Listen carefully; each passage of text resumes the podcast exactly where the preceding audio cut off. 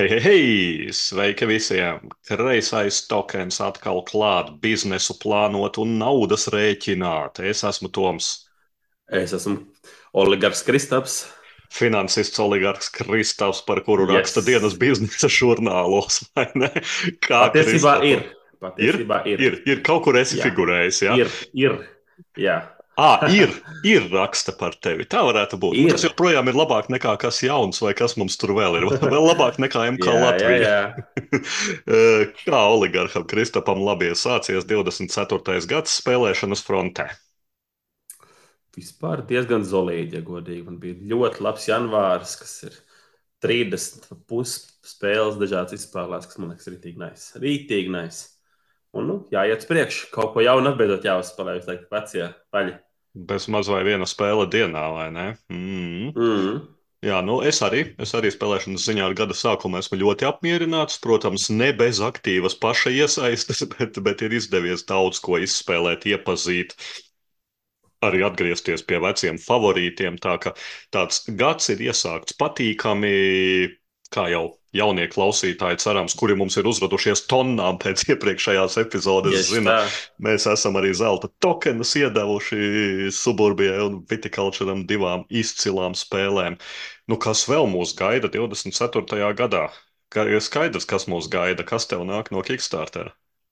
Ja kaut kas, Zin, man nāk, nekas te nāk no Kickstarter, iedomājies. tad no GameFound. Tikai kaut kādi mazie, nē, no viņiem arī tikai kaut kādi mazie paplašinājumi, piemēram, No, no, kurš tad tos skaita? Stroganovam nāk, bet tos neviens neskaidro. Nē, nē, nē, paplašinājumu tos jau neskaita, vai ne? Tā kā es Mm. esmu brīvs, es esmu brīvs. Ja Tu esi brīvs cilvēks. Un nav neviens.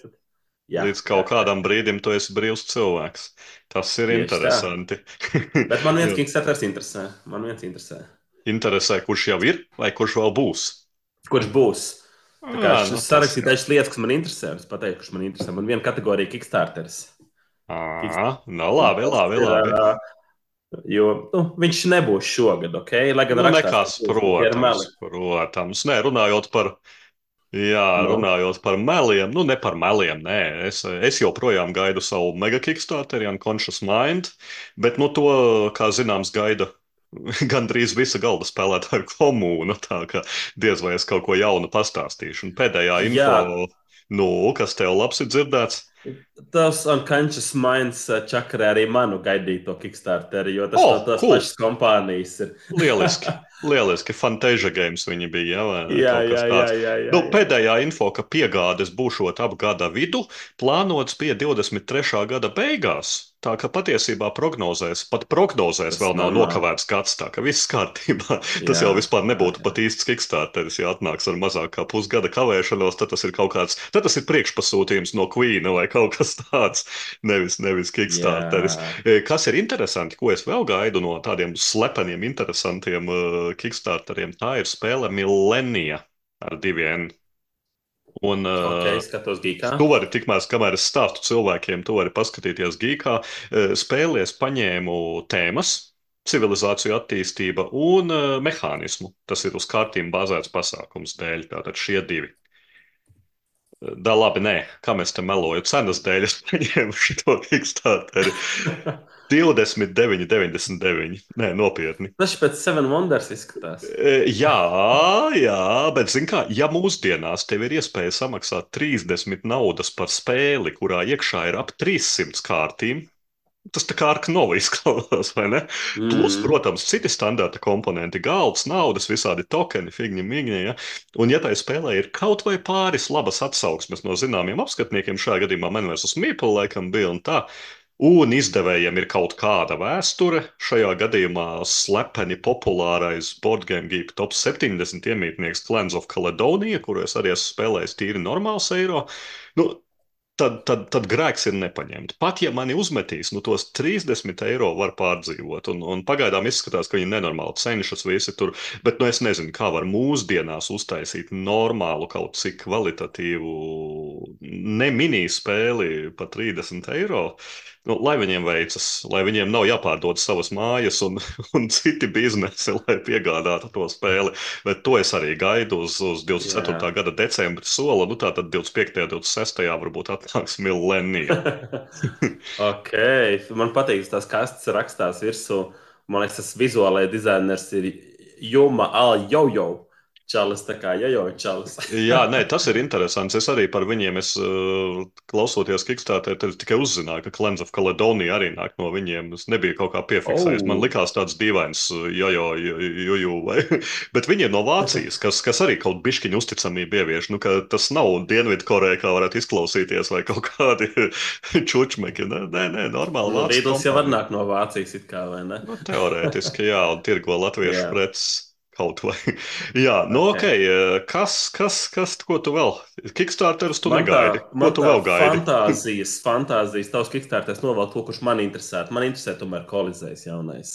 Ah. Uh, bet viņš tāds nesaprotams pasākums ir. Tur divas kastes, no kurām man interesēs viena noteikti, es nevarēšu saprast, došiem, kura uh, vecais kolizējs jaunās biksēs vai tas avetitus It kā par uh, titiem man patīk par tēmas, bet uh, redzēs, kā šis, būs pasākums. Nu, man liekas, tu veco kolizēju, tu tā arī neesi izspēlējis. Es esmu spēlējis kolizēju. Ah, okay. Jā, man patika, man patika. Mm. Bet, nu, Jautājums, vai viņš nav jau gana novecojis uh, savos mehānismos un pēc tam lieta. Jo viņš bija labs, brasu, uh, jā, viņš bija labs katanas ieceļotāju mūdā, tajā grūvā, varētu teikt, kad ar, ar tirgošanos un, un ko tu man dosi par to, ko tu man dosi par to. Tas, tas kad bija kolizējis 2000. gadu, tas vidus, tad, tad, tad cilvēkiem patika jā. tāda tipa spēles, vai tagad pie tādiem elegantākiem mehānismiem viņš neliksies par uh, par uh, klibiķīgu un, un, un arī bišķiņu par prastu. Tā, tas tā biedē, bet, nu, jā, vajag vienkārši izvilkt. Par cīņām antīkajā Romā ir forši. Labi, kas vēl man ir salikt četras kategorijas, ok? Kas jā. man interesē šodien? Nu, Kickstarteris, Gamefonderis, tad ir sīkvelis, ir eirelis un uh, vislielākais interesants. Un sīkvels man ir, sāksim, sīkvel, tas ir, nu, protams, kā Undaunted 2200. Jo tu jūti, ka tu būsi pabeidzis vai ne savu Staļingradu. Pabeidzis savu Staļingradu to brīdi. Man vismaz jāsaprot, vai tā ir kampaņa vai nav kampaņa, un doties uz nākotni varētu būt baigi nice. Nu, Sīkvels, viss skaidrs. Jautājums viņa nesolīja, ka to varēs spēlēt vairāk kā divi? Zini, rakstās, ka viņi varēs spēlēt četri, bet uh, es nesen izspēlēju to. Um, Daistro, kur arī spēlē 3 un 4, un, un viņi ir reāli divi spēlētāji spēle. Es domāju, ka šī būs pilnīgi tas pats. Mm -hmm. Pilnīgi tas pats. Tāpat kā, nu, tu taču vari memoāru spēlēt četrtā. No, jā, tā reāli divi spēlētāji spēle. Protams, protams. Eirelis, Eirelis man interesē Urugvajas spēle, kuram arī bija mm. Kickstarters un nepaņēma, bet uh, tas ir Pampero, bet tas nav par pamperiem, bet par uh, vēju un vēja ģenerāciju. Un, jā, taisīt enerģijas šitos te. Kur zemē viss protestē tagad par tiem vēja stabiem? Jā, jā, jā, jā no viņiem sāpēs galva. Viņiem mm. viss čil. Un viņš izskatās grandios, interesants eiro ar Ionu Tool dizainu un tāds tīrs ļoti un, un interesants mehānisms. Izskatās, tur lietas kārtas augšā vai apakšā, kas referencē uz dažādām zonām laukumā un tad izspēlē trīs kārtas vienu paturu, tad būvē to tablo uz priekšu. Man liekas, ļoti interesants. Bišku žēl, ka nepaņēma Kickstarter arī šis bija šī no tām reizēm, bet. Tāds modernais, viņš... modernais powergrids varētu power būt. Grids, jā, jā, jā, varētu būt. Tas, kā, man liekas, ļoti interesants. Un pēdējais ir tas, ko es visvairāk gaidu un vismazāk zinu par to visu. Uh, jā, ir tas mūsu lielais, viens no lielajiem pēdējiem dizaineriem, kas tur daudz ko spārdās apkārt un viss las no Biksēnas, ir Johns D. Klairs, mm -hmm. kas mums sadizainējis, ir Dead Reckoning, Ekos, kas tokenā patīk, Space Base, zirgu skriešanās spēle, Mystic Veil un tā tālāk. Un redz, viņš pieķēries dizainēt, ir uh, Mistborn deckbuilding game. Ah. Tā kā deckbuilderi un Mistborn sērijā. Tā kā Mistborns ir uh, viena no Sandersona grāmatām, kas nu, šobrīd laikam pasaulē numur viens fantāzijas autors.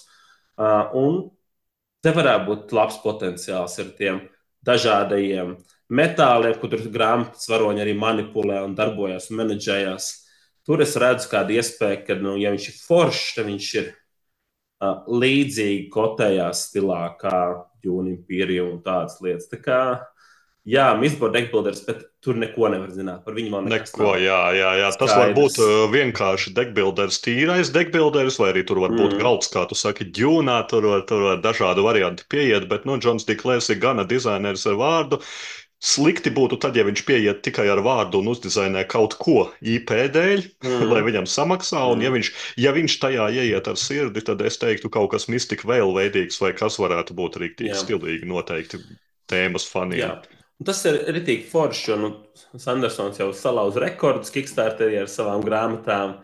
Tur bija 40 miljoni un tā tālāk. Un to redz pārējās industrijas un spēles paliek vien vairāk. Un varbūt kaut kas tāds tiešām interesants, jo Rekuneram nelikās interesants Stormlight Archives Call to Adventure mēs sistēmu. Man nav nelikās interesants, nu varbūt šitais. Mm. Šitais varētu būt tas pirmais, kas. Jā, nu, skatoties, skatoties, kas man varētu interesēt 24. gadā, viena lieta, kam es uzdūros, bija jaunais tops board game geek, kā ir, ko viņi pa laikam publicē.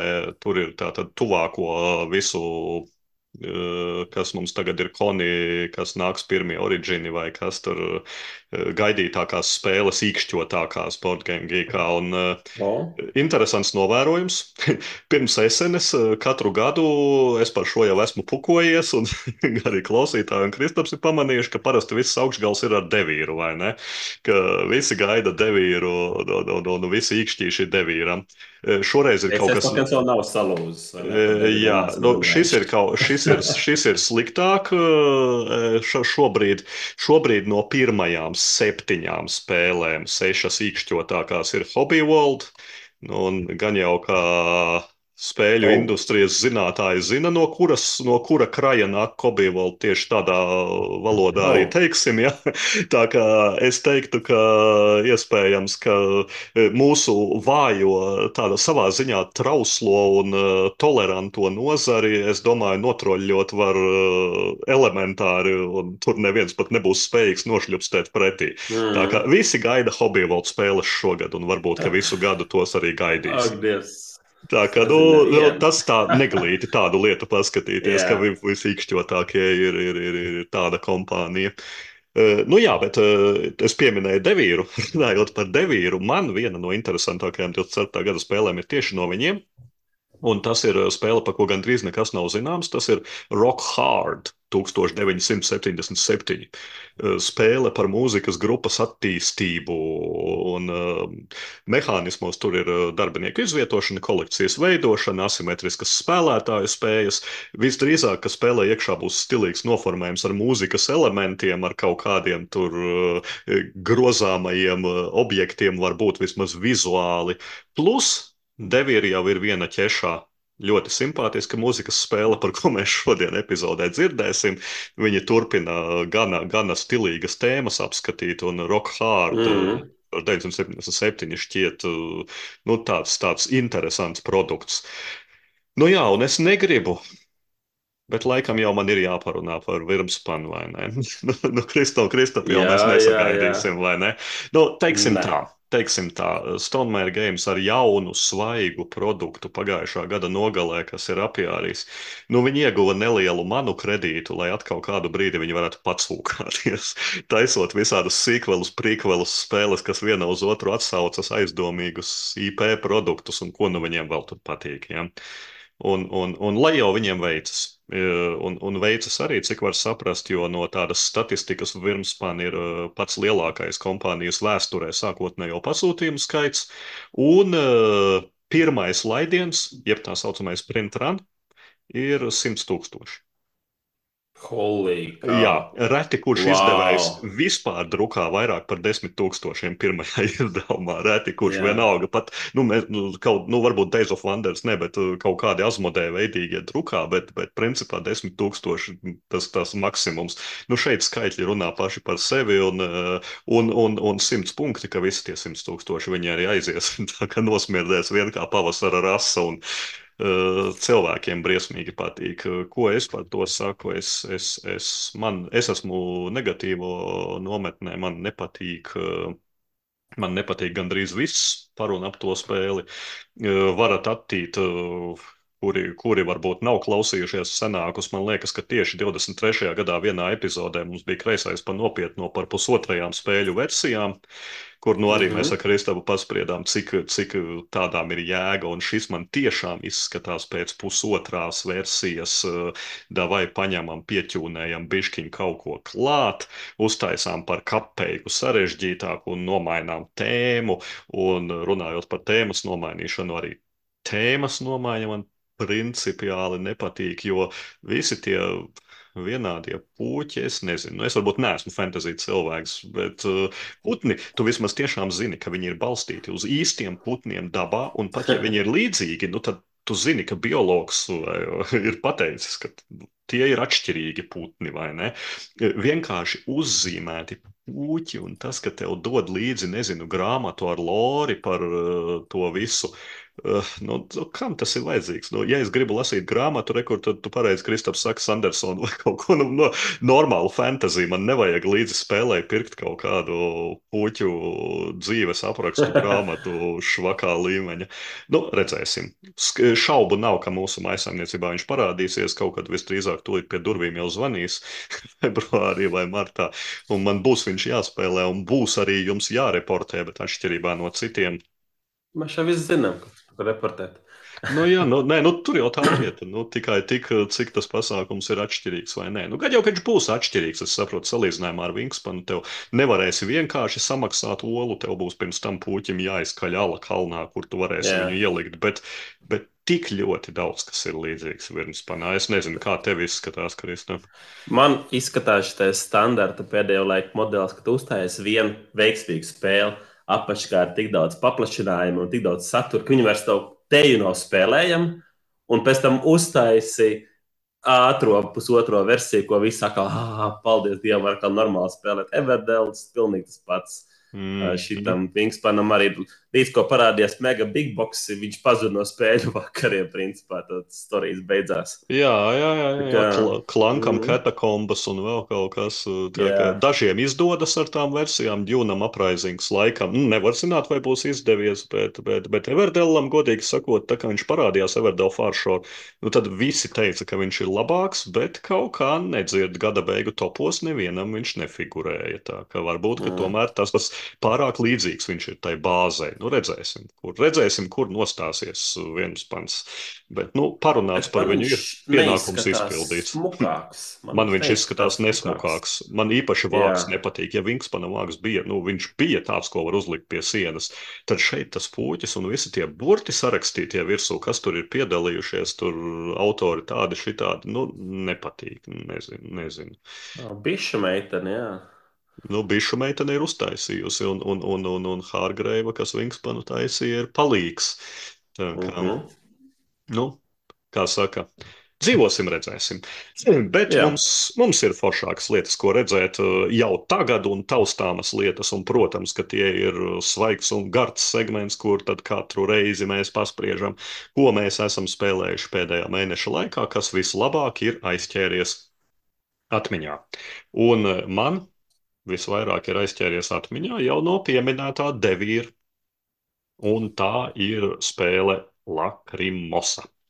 E, vienreiz figurēja, man šķiet, man vienā no topiem e, par, mhm. par, par vai nu par interesantākajiem kāršu mehānismiem vai kaut ko, bet e, viena lieta ir reizajā top 5 nofigurēt uz 5 minūtēm, cita lieta ir izķidāt daudz, daudz dziļāk to pasākumu, un tad iziesim arī cauri. Uh, Kas tad ir lakrimosa spēles tēma?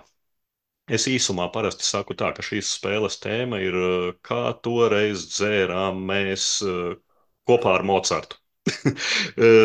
Kristap, piedod, ja nu tu nebija lietas kursā un vēl gaidi kādu jaunu plati, Wolfgangs Amadejs Mocarts ir miris. Oh, Jā, klasiskajā radio tas viss ir vecas dziesmas. Tās ir vecas, iedomājieties, tas viss ir vecs. Un uh, Mocards ir miris Lakrimosa spēlē, un spēles dalībnieki ir bijušie Mocarta patroni, kas finansējuši viņa mūzikas radīšanu, kopā ar Mocartu ceļojuši pa Eiropu. Labi sakot, mēs bijām tādi normāli keksi tusētāji, kas vadīja sev līdzi mūziķa labai kompānijai un uzturējām viņu, kā jau tajos laikos notika, vai ne? Par mūziķu tu maksā par viņa, bet, bet tajā pašā laikā tu vari ietusēt un, un, un pagrozīties dažādās uh, interesantās vietās un galmos. Un uh, spēles sākumā mēs šie patroni esam saņēmuši vēstuli no Mocarta atraitnes, ka viņa vēlas rakstīt memoārus par Mocarta dzīvi. Un uh, vēl ir tāds sīkums, vēl viņai vajag naudu, lai pabeigtu rekvijēmu Mocarta. Un uh, tematiski spēlē mēs atceramies, kā mēs esam atbalstījuši Dižgaru viņa mūzikas radīšanā, kā mēs kopā pavadījām laiku, un paralēli tam mēs šķiņķojam uh, ārpus klasiskās mūzikas dubiņiem, pilnīgi nezināmiem komponistiem, lai viņi pabeigtu to rekvizīmu vienreiz. Nu, tāds samudžināts, samudžināts tematiskais piesitiens, jo spēles laikā mēs bīdām Mocarta figūriņu pa Eiropu, bet, nu, faktiski jā, Mocarts ir beigts, jūs tikai atceraties, kā jūs to darījāt. Tas ir tēma. Kas tad ir pats galvenais? Jo, kā jau daudzi iespējams, ka jūt, nu, velk uz to, ka šis ir eiro kādi ir šīs spēles mehānismi. Un uh, mehānismi, es teiktu, ir viens mehānisms. Viens mehānisms tas ir deviņu kāršu deks. Tātad spēlētājs sāk spēli un arī pabeigs spēli ar uh, deviņām darbību kārtīm. Un uh, deviņas darbību kārtas ir divdaļīgas, ir augšņa ar darbību un ir apakša ar resursiem. Un ko tu dari? Katrā raundā tu izspēlēsi no šīm deviņām, astoņas kārtas, no tām četras tev dos darbības, četras dos resursus nākamajam gājienam. Un kā tas notiek? Spēlētājiem ir tāds stilīgs, tāda savu, savs bords, tā saucamais, tāda planšetīte, kur tu iebāzi vienu augšpusē, tu iebāzi kārti, lai ir redzama tikai augšpuse, tā tad darbība, un apakšpusē tu iebāzi kārti, lai ir redzama tikai apakša, jeb resursi, ko tu raunda beigās dabūsi. Un tā tu šancē. Tev visu laiku rokās ir, tu pievelc, lai ir četras kārtas, un tad no četrām kārtīm divas tu izspēlē. Vienu kā darbību, ko tu tūlīt arī veids, un vienu apakšā kā resursus, ko tu dabūsi raunda beigās. Un tās darbības ir tādas diezgan eiroīgi standartīgas. Eh, tu vari ceļot pa Eiropu, lai dabūtu kaut kādus labumus, eh, tu vari atbalstīt, pirkt Mocarta skaņdarbus, tu vari izpildīt vai pārdot šos skaņdarbus, eh, tu vari piedalīties rekviema radīšanā vai kavēties atmiņās par Mocartu. Kā tas ir bijis, lai tad tā viņa atraitne var rakstīt memoārus. Un um, Tā sāls, tā sāls ir tāda, ka principā tāda mums ir uh, piecas dažādas darbības, četras no tām ir uz divām kartiņām, un viena no tām ir uz uh, vienas kartiņas. Un ar šīm deviņām kartiņām mēs arī visu spēli nostrādāsim. Un svarīgākais ir tas, cik, cik kvalitatīvi tās kartiņas izmantosi. Piemēram, Pirmajā reizē nezinu, es pateikšu, ka es gribu finansēt Mocarta skaņdarbu, un apakšā pabāžu otru kartiņu, kas man ļauj finansēt Mocarta skaņdarbu, un tajā raundā es vairāk to nedarīšu, jo man nav vairāk tāda tipa kartiņu. Bet es varu arī mahinēt un mēģināt saprast, kādas kartiņas es gribu sataupīt uh, uz pēdējiem raundiem, vai es gribu kaut kur mēģināt kādu naudu izsist, lai kļūtu bagātāks un tā. Um, interesantākais visā tajā pasākumā ir tas, ka ir paredzēts, ka šīs kartiņas var uzlabot. Tas ir viena no galvenajām darbībām, ka tu šīs kartiņas vari uzlabot, uh, aizvietojot vienu no savām deviņām pret kādu citu. Parasti pret labāku, nu, nu vienmēr pret labāku. Principā tu mēģini uzlabot savas darbības, lai tavs tas deks deviņu kāršu kļūtu spēcīgāks. Un uh, simpātiski vismaz man, jā, pie mehānismiem uzreiz jau varu teikt pozitīvo, ka uh, tu nepalielini. Tas nav tāds degbilderis, kā, tā, kā, kā tu vienkārši dzen kaut ko klāt un tad ceri, ka tu to izvilksi no kaudzes pēc pārmaisīšanas. Nē, šeit tu garantēti katru raundu visas savas kārtas tu redzēsi. Ne uzreiz, bet tu viņus visus būsi redzējis, un tev ir iespēja plānot, domāt, ko tu kādā secībā darīsi. Nu, vēl viens mehānisms, kurš ir saudabīgāks, ko nevar nepieminēt, ir tāda īpatnēja teritorijas kontrole. Mocarta rekviēmu palīdzēs mums rakstīt divi kreisie komponisti, un teritoriju kontrolēsim nevis mēs spēlētāji, bet kontrolēs viņi. Jo mēs varam iet pie viņiem, pasūtīt darbus, maksāt viņiem naudu un vēl resursus, lai viņi uzkomponē kaut kādus Mocarta rekviema skaņdarba, eh, šī rekviema daļas. Un eh, viņi būs, tu vienkārši uzliksi savu zīmīti, pie, ka tas un tas komponists ir šo daļu, šo daļu, šo daļu tajā, eh, tajā Mocarta rekviemā darījis.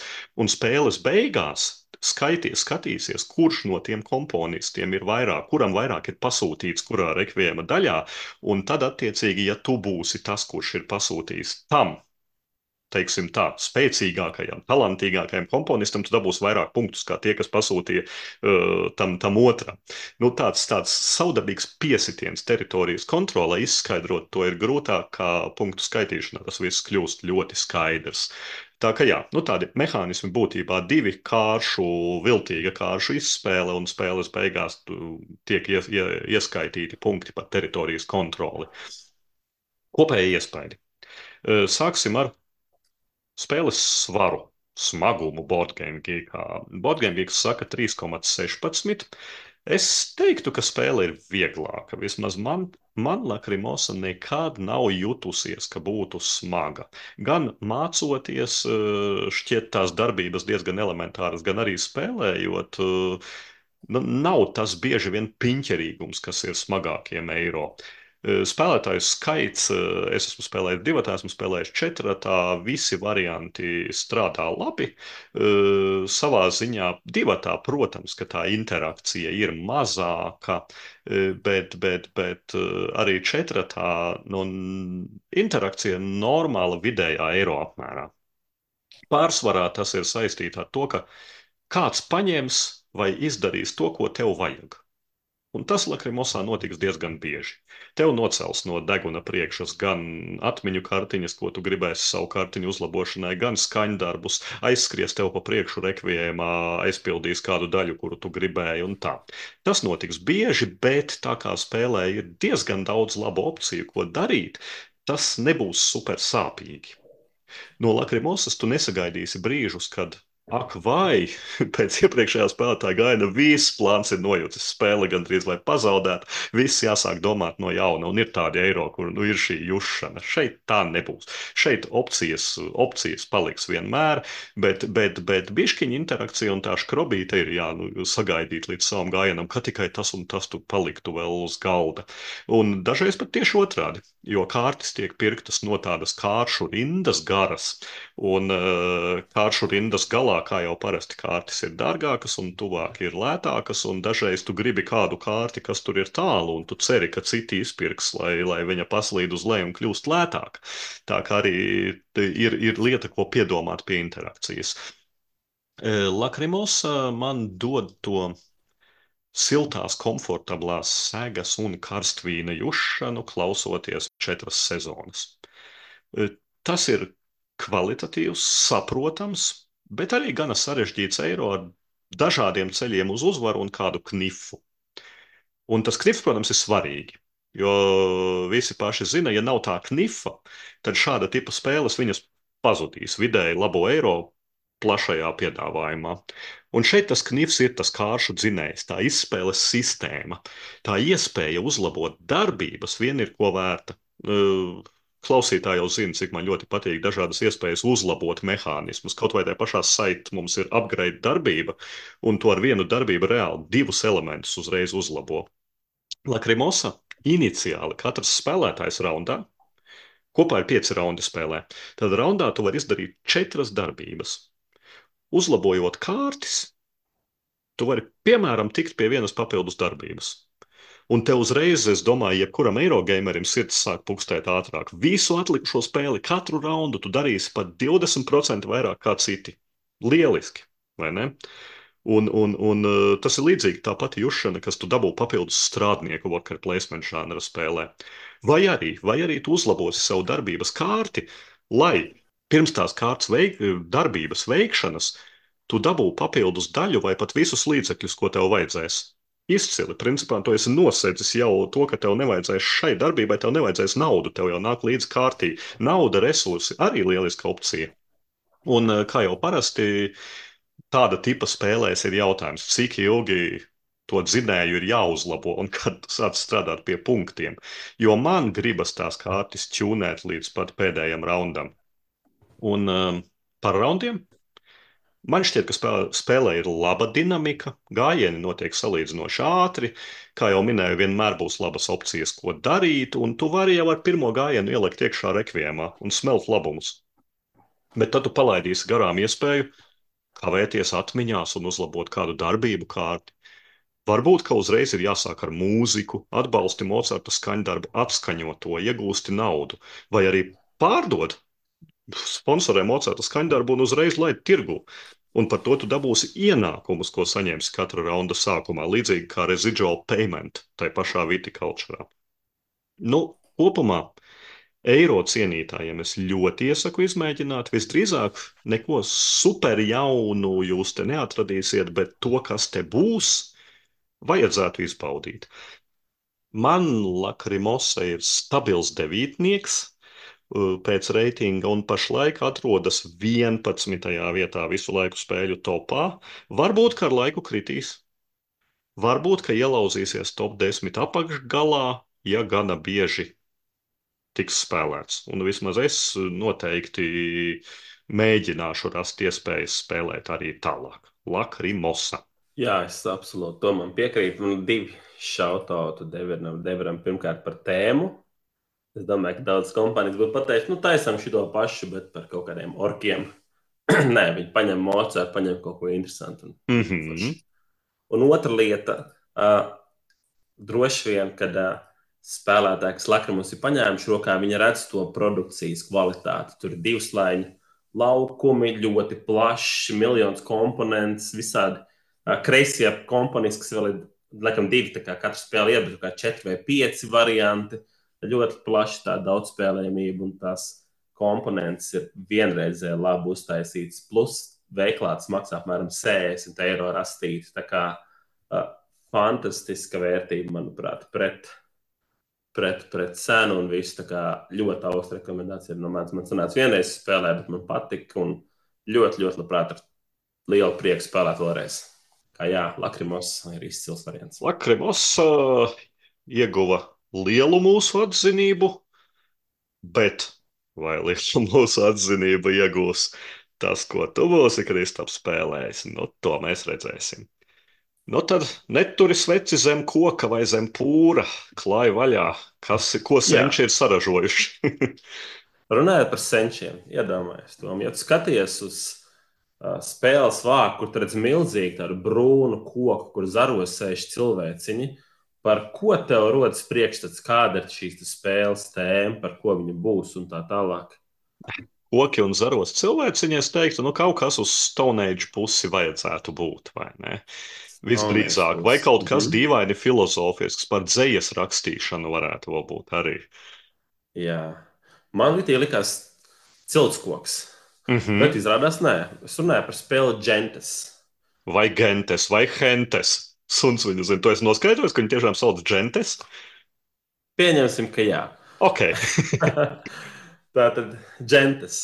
Džentes tēma nav par ciltskoku, nav arī par suņu dzēju vai vēlams viņa zina, ko antīkajā, antīkajā akmens laikmetā, bet citu antīko civilizāciju. Džentes tēma ir par antīkās civilizāciju attīstību vidusjūras reģionā, kur mēs būvējam visādas ēkas, attīstam savas civilizācijas un tā tālāk ja šī tēma izklausās dzirdēta, tā ir dzirdēta. Daudz spēles, ka tāda mm. ir. Bet jāsaka, ka tēma nav īpaši spēcīga. Un to šobrīd saka cilvēks, kam ļoti patīk antīkās pasaules tēmas. Es esmu gatavs visus šos spēlēt, cik vien vajag. Un tas man liekas, pēc tam vairāk runāšu par negatīvo, bet iesākumā var iedot tādu ieskici, ka, manuprāt, Concordija ir tematiskāka spēle nekā Gentis. No way. Šo pašu laiku. Jā, Monopols ir tematiskāka spēle par Concordiju. Tātad, kas tad īsti ir džentis? Uh, jā, tas ir dizainers ir Stefans uh, Risthaus. kas šo to ir labi dizainējis, bet neko tādu, ko baigi vajadzētu pieminēt. Un izdevējs Spielbergs, bet par laimi viņiem palīdzēja Tasting Install Games, līdz ar to tā spēle nav absolūti traģiski. Jā. Nespēlējam neglīti, vai ne? Bet viņi ir ļoti solīdi tādā ziņā, vismaz vizuāli. Kopumā tas ir kārtīgs eiro, kuram pamatā ir laika un sešu dažādu profesiju menedžments. Sāksim ar laika menedžmentu, jo man spēlēs ļoti patīk, ka mums ir laika menedžments. Un, principā, savā gājienā spēlētājs skatās diezgan lielu spēles laukumu. Viņiem rokās ir dažādas kārtas, ko viņi grib izspēlēt, bet galvenais sadaļa ir spēles laukums, no kura var paņemt dažādas darbības žetonus, jeb tokenus. Un, piemēram, var rezervēt kārtas, var būvēt kārti, Savu priekšā var ņemt dažādas profesijas, pilsoņus, var celt pilsētas kartes un tā tālāk. Bet interesantā daļa ir tāda, ka katrs šis žetons lielā laukuma, dažādās zonās, ko paņem, viņam principā ir divi, divas prasības. Prasība numur viens ir finanses, ir nauda. Prasība numur divas ir laika žetons, ko mēs noliekam uz tādas rindas, jeb līnijas katru, katru gājienu, katru raundu un spēlē ar tādu sešu raundu, trīs ērās. Spēlētāji paņem to lauciņu un tad pieliek laiku, cik viņš maksā. Un loģiski, ka bieži viņi prasa vairāk laika, šis lauciņš ir spēcīgāks, kā arī viņam ir bieži vien tāda interakcija, kad bezmaksas lauciņš prasa vairāk laika, maksas lauciņš prasa uh, mazāk laika un tā tālāk. Un pie laika šetona aizsit šo līniju, Kas saka, ka, ja tu tērēsi mazāk laika, tu varēsi vairāk darīt, izdarīt un daudz jāmenedžē. Plus, tur ir ļoti interesanta mehānika tajā aspektā, ka ir žetoni, kas laikus saliek uh, divus blakus, piemēram, vai divi laiki, tad vienībiņas, un tad es lieku blakus, vai arī nepārskaidrs trīs vai viens viņa liek pa vienam klāt uz priekšu. Un katra raunda beigās um, es principā šos žetonus visu tīri nosnodās līnijas, bet ja tā līnijā ir divas la laika žetoni, tāda laika pulkstentiņa, tad es notīru tikai vienu. Man priekš nākošā raunda paliek vēl mazāk vietas, kur iet kaut ko darboties un tā tālāk. Un tas ir interesanti. Man, principā, patīk visas spēles, kur laiks jāmanģē. Šī nav izvēle. Lūk, otrs būtiskais resurs ir dažādie pilsoņi. Un ir kopā seši veidi pilsoņi - karavīri, amatnieki, priesteri un tādā garā Un interesanti, ka viņi arī tādos pretējos trekos, tā kā līnijās, trīs.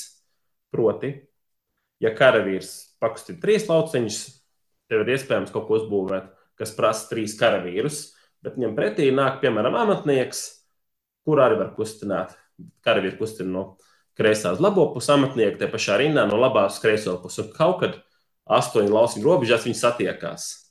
Pēc tam kustinot karavīru, man amatnieks kā paliek vājāks un tā tālāk. Un ir diezgan interesanti menedžēt šos resursus, jo viņi nav jāiztērē. Ir čupa kārtas, kas tev prasa viņus. Tev prasa, un tu prasa, tur lūk, tur ir vajadzīgs priesteris, lai ir trīs karavīri, divi amatnieki, tad to kārtu var uzbūvēt. Un forši ir tā pats kontrola, ka tu ņem, darbojies, tu spied uz priekšu, atpakaļ īpaši spēles beigās. Tas ir interesanti, ja tev ir itī cieši jāsameģē sākumā, Es teiktu, ne tik ļoti. Jo, jo, jo sākumā vairāk vai mazāk tev vienu dabūt ir vienkārši. Tev vajag vienu karavīru, divus priesterus, un to vairāk vai mazāk visu var dabūt. Bet beigās, kad jūs investējiet, tad tā pā, ekonomikas pārbūvēšana ir diezgan sarežģīts pasākums.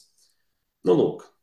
Vēl viena interesanta lieta ir, kad spēlē daudz dažādas kārtas, ko, mēs, ko spēlētāji var paņemt secīgi, bet te ir interesantais feature, ka kāršu paņemšanas apjoms ir atkarīgs no tā, cik tu naudas samaksā. Un tur ir vesels milzīgs zīmējums pie tām kārtīm, kas ir samaksājis sešinieku. Lūk, sešas naudas tu vari paņemt trīs kārtas, tā kā pirmās trīs kārtas, vai, piemēram, skatīties uz pirmajām piecām kārtīm, ir paņemt tikai divas. Līdzīgi kā Lakrimos sākot, Toms tikko minēja, arī kāšu rinda kur var paņemt sākotnējās kārtas vienkāršāk, tālākās kārtas dārgāk. Bet tas tiek risināts to, ka tev nav vienkārši dārgāka cena, bet, ja tu samaksā vairāk, tad tev ir citādāks, plašāks izvēles. Šos nebija nekur redzējis, man likās feinas mehānisms. Nu, lūk, tad vēl ir pēdējais tāds lielais mehānisms, ir būvēt pilsētu valsts vidusjūras reģionā. Un palielināt, tur nekā īpaši nav. Tu uzbūvē, tur nav pat īsti reģiona kontrola, uzbūvē dabu resursus, un katra raunda beigās tev kaut kas uh, ierežojās no tā. Īsti nekas uh, pieminams vai atmiņā paliekams. Tā kā, jā, kopumā mehānisms puzles bija ļoti patīkams. Kārtas deva dažādus uzlabojumus, spēlētāji kodās starp lauciņiem. Īpaši četru spēlētāju spēlē bija tā, ka, ja tev ir sajūta, ja tu nepaņem šo žetonu, tas pēc apli tur vairs nebūs palicis, tev viņš jāņem, bet otrā pusē arī kaut ko gribās. Tas ir forši. Man patīk tas, ka tev eiro var beigties, resursu nav tikai jāpiemaksā. Tas ir ļoti patīkami. Tā kopējā eiro puzle bija feina, laba, gana gluda, gana ejoša priekšu. Bet to lielo puzli, un te būs mans lielākais negatīvais, samaitām dažas lietas. Galvenā problēma ir saistīta ar šiem sešiem pilsoņiem un viņu menedžēšanu. Jo, principā, tas viss stratēģi uzliek tādām sliedēm. Tev ir trīs karavīri, vai tev ir saražoti uh, vēl, piemēram, divi amatnieki un tā tālāk. Tas viss tev ļauj pirkt un uzbūvēt konkrētas kārtas. Un ko tas nozīmē? Spēles gaitā tas nozīmē to, ka tu skaties veiklā kārtas, nevis tās, ko tev kaut ko varētu vairāk dot, bet gan tās, kuras tu vienkārši vari uzbūvēt. Tu skaties uz cenām, nevis uz iegūšanu, jo tu ekonomiku pārbūvēt nav nemaz tik vienkārši. Un tas es neesmu pārliecināts, ka man tas patīk. Ņemot vērā arī, ka viņas ir super uh, netematiski. Tur ir kā rakstīts, tur ir katapulta vai publiskās vannas, bet viss, ko es skatos, ir cik man ir potenciāls šo uh, cilvēku resursu konfigurāciju dabūt. Kas ir žēl par tādu civilizācijas spēli. Uh, nu, lūk, tāpat tās, jā, tas mazāk izpaudās pirmajā erā, kamēr kārtas bija lēnas, bet trešajā erā, kas ir noslēdzušajā erā, jau bija diezgan garlaicīgi. Un trešajā erā bija ļoti, ļoti bēdīgs tāds beigu skaitīšanas uh, punkts un tā tālāk. Lakrimus arī tas bija, jāsaka, mazliet salīdzinot, kad arī man likās garlaicīgs kāršu pirkšana pēdējā ērā, kur vienkārši nopērci un tev ieskaita četrus punktus. Te ir līdzīgi, to viena, tev ir astoņas kārtas, viņas tur ir kaut kāda instanta pirkt. Bet kā viņš atšķirās? Viena iedod 12 punktus, otra iedod 14 punktus, trešā iedod 13 punktus, viņam dažādas cilvēku viņa konfigurācijas. Un tu visu, ko dari, vienkārši paņem izvēlēties to, ko tur uzbūvēt. Un tas man likās, tas man likās tāds mērens failers. Tāds spēles beigas man lika pamatīgi, pamatīgi vilties tajā mehānismā. Tur ir daudz interesantas, foršas lietas, bet tas beigās rezultējās to, ka vienkārši, ja to sanāktu nopērst to punktu kārtu un viss ejas priekš, man nelikās forši. Vēl viens uh, lieta, kas man nepatika no uh, spēles mehānismiem, bija mērķi. Zin, kā daudzās spēlēs ir tie mērķi, ka nu, izdarīs pirmais to, izdarīs pirmais šito un tā tālāk. Nu, tas, ko mēs spēlējām, viņi bija, ak, Dievs, ka viņi bija garlaicīgi. Godavārds. Pirmais, kurš uztaisīs astoņas kārtas. Pirmais, kurš uztaisīs četras mājas. Vai pirmais, kurš, kas tur vēl bija, es pat neatceros, kaut kādu naudu dabūs. Nu, nu, savienos visus cilvēkus, ja nemaldos. Nu, super, super, tā neinteresanta mērķa, ka tu vispār nefokusējies. Tu vienkārši dari tās lietas, un viss to viņi izdara spēlē. Tā. Bet vienkārši, ja apbalvos, bija vairāk tas, kurš pirmais to izdarīs bez nekāda fokusa. Nu, tas nav interesants mērķis. Interesants mērķis, kur tev ir risks pret atalgojumu. Man liekas, skatoties, nu, tas bija nu, labi. Tos tik labi no spēles var izlidināt ārā. Man liekas, neinteresanti. Tā kā jā, man tāds duāls jūtas. Es džentis ieliku septiņi pagaidām, bet ar sajūtu, ka viņš varētu iet uz leju. Jo ir tur ir daudz kodra dizaina lēmumu. Jā, mehānismi ir apģērbīgi. Ir idejas, kas jūtas svaigas. Ar laika menedžmentu ir viena no manām mīļākajām lietām spēlēs, kas man tiešām patīk un vienmēr meklēju, novērtēju. Bet tā punktu pārnes primitīvi beigās tomēr šo spēli tā pamatīgi, pamatīgi iedot pliķi, lai viņi būtu gana tālu no tādas lielas izcilības. Tā septītnieks es iesaku izspēlēt, bet es noteikti nevaru rekomendēt kā tādu obligāto pieredzi. Mm -hmm. Es tagad skatos, ka viņam ir divas versijas. Ir Gentes un Deluxe, un Deluxam ir iekšā New Cities paplašinājums. Tu spēlēji Deluxe. Deluxe un paplašinājums mm -hmm. bija iekšā spēlē vai nebija? A, noteikti, vai tu nezini? Tas Cities jau ir vienkārši, uh, man liekas, tās kārtas citādākas. Mm -hmm. Ok. Nekā okay, tāda nebija. Jā. Jā, nu es par Gentes jāatzīst, ka maz ko zinu. Es zinu, ka tāda spēle ir. Noteikti esmu piefiksējis mm. pa gadiem. Viena no lietām, ko es zinu, ka Jasonam Lavīnam no Dice Tower viņa ļoti patīk, kas man bija mm -hmm. radījis iespaidu. Jasons Lavīns tomēr skaitās gaming mašīna, kurš tur kapās ploterus un visus, un kas man bija radījis iespaidu, ka Gentes ir tāds sauss un ļoti sarežģīts eiro, bet es tagad paskatījos, ka sarežģītība boardgame geekā Kā Lakrimosē. 3,18, Lakrimosē ir 3,16. Vai tā arī ir? Viņš nav, Jā, viņš nav, viņš nav sarežģītāks. Es teiktu, ka viņš ir vieglāks par Lakrimos. Oho! Nu, jo bet apmēram turpat. Viņš rada apmēram iespaidu, ka viņam ir jābūt smagākam no savas acis skatoties. Visi tās pelēcīgi brūnganās krāsas, bez mazvai eh, kantainie, kantainie tokenīši, bez mazvai kā kaut kāds wargames vietām izskatās. Nav, nav, nav. Ok, tad nu, baidīties no viņa nav jēgas, un tu saki, ka Eirogamerim izspēlēt, izspēlēt nav vainas. Varētu dzīvē. Nav nekāds vainas, mierīgi pamēģināt. Jā. Mm. Forši. Vismaz instant mehānismu tā ir. Jā, nekas jā. vairāk tad ir instant mehānisms, kurš ir paskatīties, pabrīnīties, ka šī tā arī var izdarīt. Tā kā, jā. Tas vienmēr ir forši. Tieši tā, tas, ko es teicu arī par Lakrimosu, ka kaut kāds knifiņš, ja ir, tad to eiro vien tāpēc vien vajag izspēlēt, lai redzētu, mm -hmm. ka tā tas notiek. Uh, lietas, kas notiek uh, vēl interesantāk, ir uh, bezgalīgais duelis, kurš noticis ir jau pirmās četras sezonas, un šobrīd mēs esam tā kā, tā kā normālā volejbolā. Mēs esam ieradušies mm -hmm. piektajā setā, vai ne? Divi, divi. Jā. Un tā saucamais momentums, jeb inerce ir tavā pusē, Kristap, jo es uzvarēju pirmajos divās sezonās, un tu uzvarēji nākamajās divās. Nu, Man patīk teikt, mēs... visās pārējās. Visās pārējās, jā. un, un, un, Tagad mums ir eh, šogad, piektajā sezonā, mums ir kārtējo reizi jānoskaidro bezgalīgajā duelī, kas, kurš tad no mums gada laikā būs eh, zinošākais. Es nezinu, vai zinošākais, bet pieņemsim, ka tas ir zinošākais, ko mēs noskaidrojam par galda spēļu dažādām Tieši lietām. Tā.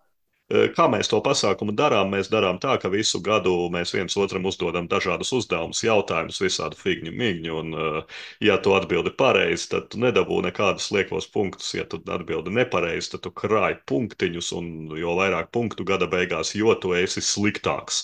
Un šodien kreisā tokena epizodes turpinājums mums būs tāds dziļi ekonomisks. Visa atlikušā būs ekonomiskā sadaļa kreisajā tokenā. Tāpēc humanitāri orientētie cilvēki un tie, kas ir valodnieki un tā, slēdziet ārā, iet uh, lasīt vārdnīcas un, un, un sausieties visi stema fanāti, jo nu tik sāksies, nu sāksies īstās lietas, finanses un Tieši naudas tā. un viss kas.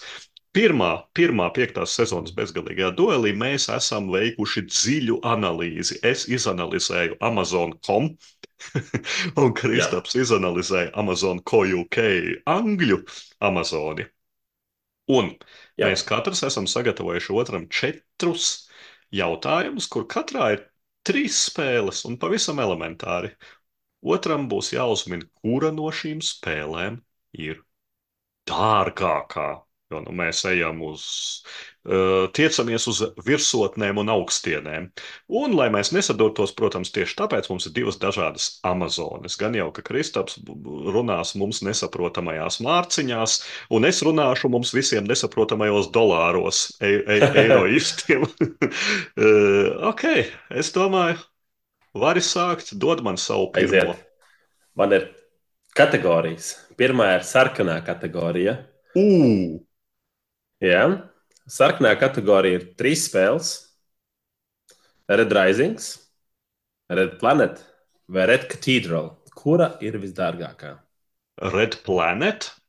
Tas nav Mission Red Planet, tas ir vienkārši Mission Red Red Planet, jā. Mission Red Mission Planet. Red Planet, jā. Ok, eh, zinot Stonemeieru, bet Red Risings eh, parastais gan jau visdrīzāk nevis Jā, jā, jā. Red Parastais Risings, Mission Red Planet. Red Cathedrals noteikti nav dārgākais.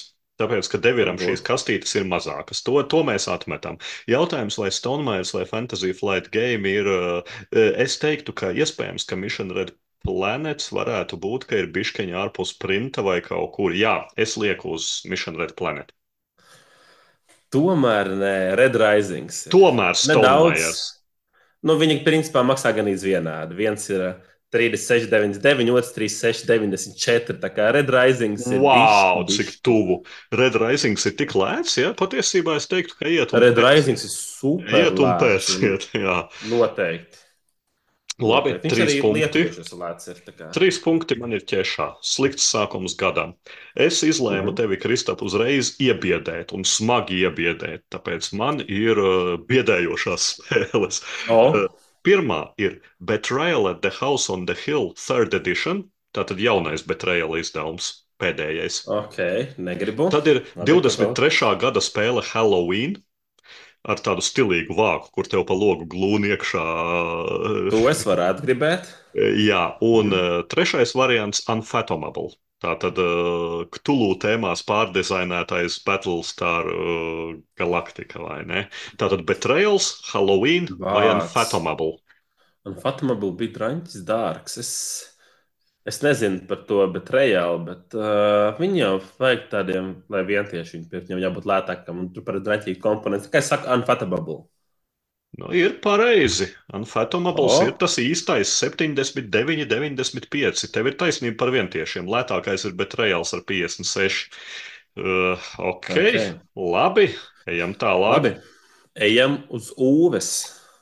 O, Kārta. ūves. Forši. Pirmais ir Hallertaus. Otrais 60. ir Agri Agricola Revised Editions. Uh, Un trešais 65. ir Fields of Arle. Uh, Fire. Tas, ko divi tā spēlē. Jā, jā, jā, jā, divatā vai trijotā, kā tikai nebija Fields of Fire, vai ne, vai divatā, kaut kas tur bija, jā. Zini, nu, Fields of Fire tas ir. Pareizi. Huh, Bet zini, kas te ir dūli? Fields of Arle maksā 68,72. Mhm. Sounds about right. right. Nu, jā, Agricola maksā 49,88. wow, cik lēti. Bet Hallertaus, pagaidiet, tas nav lēti. Hallertaus maksā 28,25. Nevar tā būt. Tad kaut kas ir nepareizi. Es jābūt tik arī skatos aizdomīgi uz šo visu pasākumu. Tāpēc atradu vēl vienu versiju, kas ir Itālijana versija kā tāds. Bet, uh, tas pirmais Hallertaus, cik skatījos pēc pirkumiem, pēc kompānijas, viss izskatās leģit. Uh, es nezinu, kāpēc. Uh, Nu, pal- paldies Amazon liels ir- UK. Slavena ar, uh, ar counterfeitiem, jeb viltojumiem. Nu, Jā, nezinu, jā. nezinu. Un Tāpēc es ieliku to otru Hallertau, lai viņš tik un tā būtu Fields of Fire dārgākais, pat ja tajā gadījumā. Jā, jā, jo uzvarēja. īstais Hallertaus, man liekas, bija ap 60. Nu, mārciņās varētu būt kaut kādi 50 Man ar kāpēju. Riktīgi niedz nagi pasūtīt to Hallertau, bet paldies UK par shipping, kas maksā vēl 20 mārciņas. Noteikti. noteikti. pārējo, Labi. Uh, shippings jebkurā gadījumā ir uh, planētas Zeme ietvaros. es tev otrajā iedošu tādas uh, labas kāršu spēles trīs. Un pirmā ir par mūsu māmuļu planētu, tas ir Earth. Mhm. Otrā ir Dominion Second Edition, nu tātad šobrīd ejošais Dominions, teiksim tā. Mhm. Un trešā ir Wingspan. Earth ir dārgākais. Ne, dārgākais. Eh? Es, jā, es tu iebraucu uz tieši to pašu, ko es. Stonemeira spēlē dārgākā. Un starp citu, ar k- diezgan pamatīgi. Wingspans ir 65, un Airs un Dominions, eh, Pick Your Own Poison, eh, kā saka, abi divi ir 49, 99. Pēc vai nu ērsa vai dominion. Mm. Gribi būt old school pēc dominion, gribi jaunāku un populārāku pēc ēras. Tā kā pat par 16 eiro, 15 eiro dārgāks ir Wingspans par abiem. Nu labi, izlīdzinājāmies katram pa trim punktiem. Jā, jā, jā. Tālāk. Labi, Fistera kārta. Uh, pirmais ir Isle of Sky, otrais ir Blackout Hongkonga, un trešais variants ir Port Royal Big Box. Tā kā Port Royal, bet Big Box. Ar to tu man Jo parasti Port nenobiedēsi. Royal jau nebūtu vispār nekādas. Tu man nenobiedēsi arī ar Portugālu Big Box. Pirmkārt, man Portugāls riebjas. Otrakārt, Portugāla Big Box bija tā kā sodīgai spēlē piemests uh, kaut kādi tur divi sūdīgi paplašinājumi, tāpēc viņš taču tur nav. Uh, problēma ir tāda, ka Blackout Hongkongs vai nebija otrais? Vislielākā Blackout kaste. Hongkongam ir vislielākā kaste, bet viņš ir arī, viņam tā popularitāte ir smagi nokritusi. Man bail, ka vai tikai viņš nav nokritis zem Isle of Sky. E, e, e, jā, es teikšu, ka Isle of Sky. Uh, Pirmā lieta, viena, viena lieta ir taisnība. Uh, nē, tad nav, nav taisnības vispār. Nekur nav, jā. Hongkongi bišku virs Isle of Sky. Ok, Ar 26 eiro, 25. viņi visi ir tik lēti. Portugāls ir visdārgākais Big Box ar 34,99. Wow! Kā- Nu, tas ja- ir ļoti daudz zaudēta nauda. Es jums teikšu, Jā, nopērciet iedomājieties, Red tur Risingu vai kaut ko. A klases spēles. Jā, jā, jā, jā, jā. Labi, trīs punkti ķešā, diemžēl. Bet, nu, labi, nu, es zinu, cilvēkiem daudziem ļoti patīk Portugāles, Toms Vasals mīl Portugālu. Bet, turpinot runāt par mēslainām spēlēm, tev ir uh, mēslaino spēļu izlase. Labi, nē, ne mēslaino spēļu izlase, nē, teiksim tā, uh, vieglās pieejas spēļu izlase. Uh, Pirmais ir uh, Cards Against Humanity, tad ir Exploding Kittens vai Happy Ak, Salmon. Dievs. Happy Salmon ir Ak, pēdējais. Dievs. Ak, Dievs, tas viss ir tik traki. Tik traki. Nu, tā lasis nevar būt dārgāks. Uh, otrais bija tie kaķi. Exploding Es minēšu, ka kaķi ir visdārgākie. Tur tomēr tas brandings oatmeal apakšā ir. Tomēr dārgākais ir Cards? Against Humanity. Nu, Jā, tā. un iedomājies, Cards Against Humanity ir 29, Exploding Kittens ir 20 un Happy Salmons jā, 13. Tā kā Mhm. krietni dārgāks ir Cards Against Humanity. Jā, kā punkti. Viss Labi, laižam tālāk. Rauns, ja? Mhm. Ok, karstās spēles man ir. Tas, kas no pagājušā gada ar gāju uz urānu. Pirmais ir apiārijas, Mhm. otrais ir nukleums, un Mm. trešais ir Earth. Nu, Jau es, Earth. ēzu balstoties, zinu, ka nu, tu nevar uz ko nevar balstīties. Viena lieta ir tas, kas ir Amerikā, cita lieta ir tas, kas ir UK. Uh. Zinu, kā es uh, teikšu, ka Stonemaiers līdz šim nav pievīlis ar to, ka visur viņu spēles ir dārgākās. Es saku, kā apjārīs. Tomēr nukleums. kas Nukleums ir dārgāks. ir jā. 5 eiro, rastīt apiārijas 74, un Earth ir Mhm. 58. tā kā Nukleums bija vairāk Simons? Rulē. Jā, jā. Nu, runājot par Man liekas, karstumiem, bija. man arī būs viens karstums tev uzdevumā, bet uh, Mhm. tavs, tavs uzdevums ir uh, Days of Wonder. Uh, klasiskais, vecais, parastais ticket to ride. Tad ir karstais, heat pedal to the metal vai five tribes. Ok. Britos es skatījos, ka Heats man likās neadekvāti dārgs. Days of Wonder visi, man ka liekas, ir neadekvāti dārgi šobrīd palikuši. Es teikšu, ka tas ir Heats. Nu, ir, ir tas heats. Heats ir par 10 eiro dārgāks kā Five Tribes un par 20 eiro dārgāks kā Ticket to Ride. Nu, visi viņu Jā. pērk un cenām ir jābūt.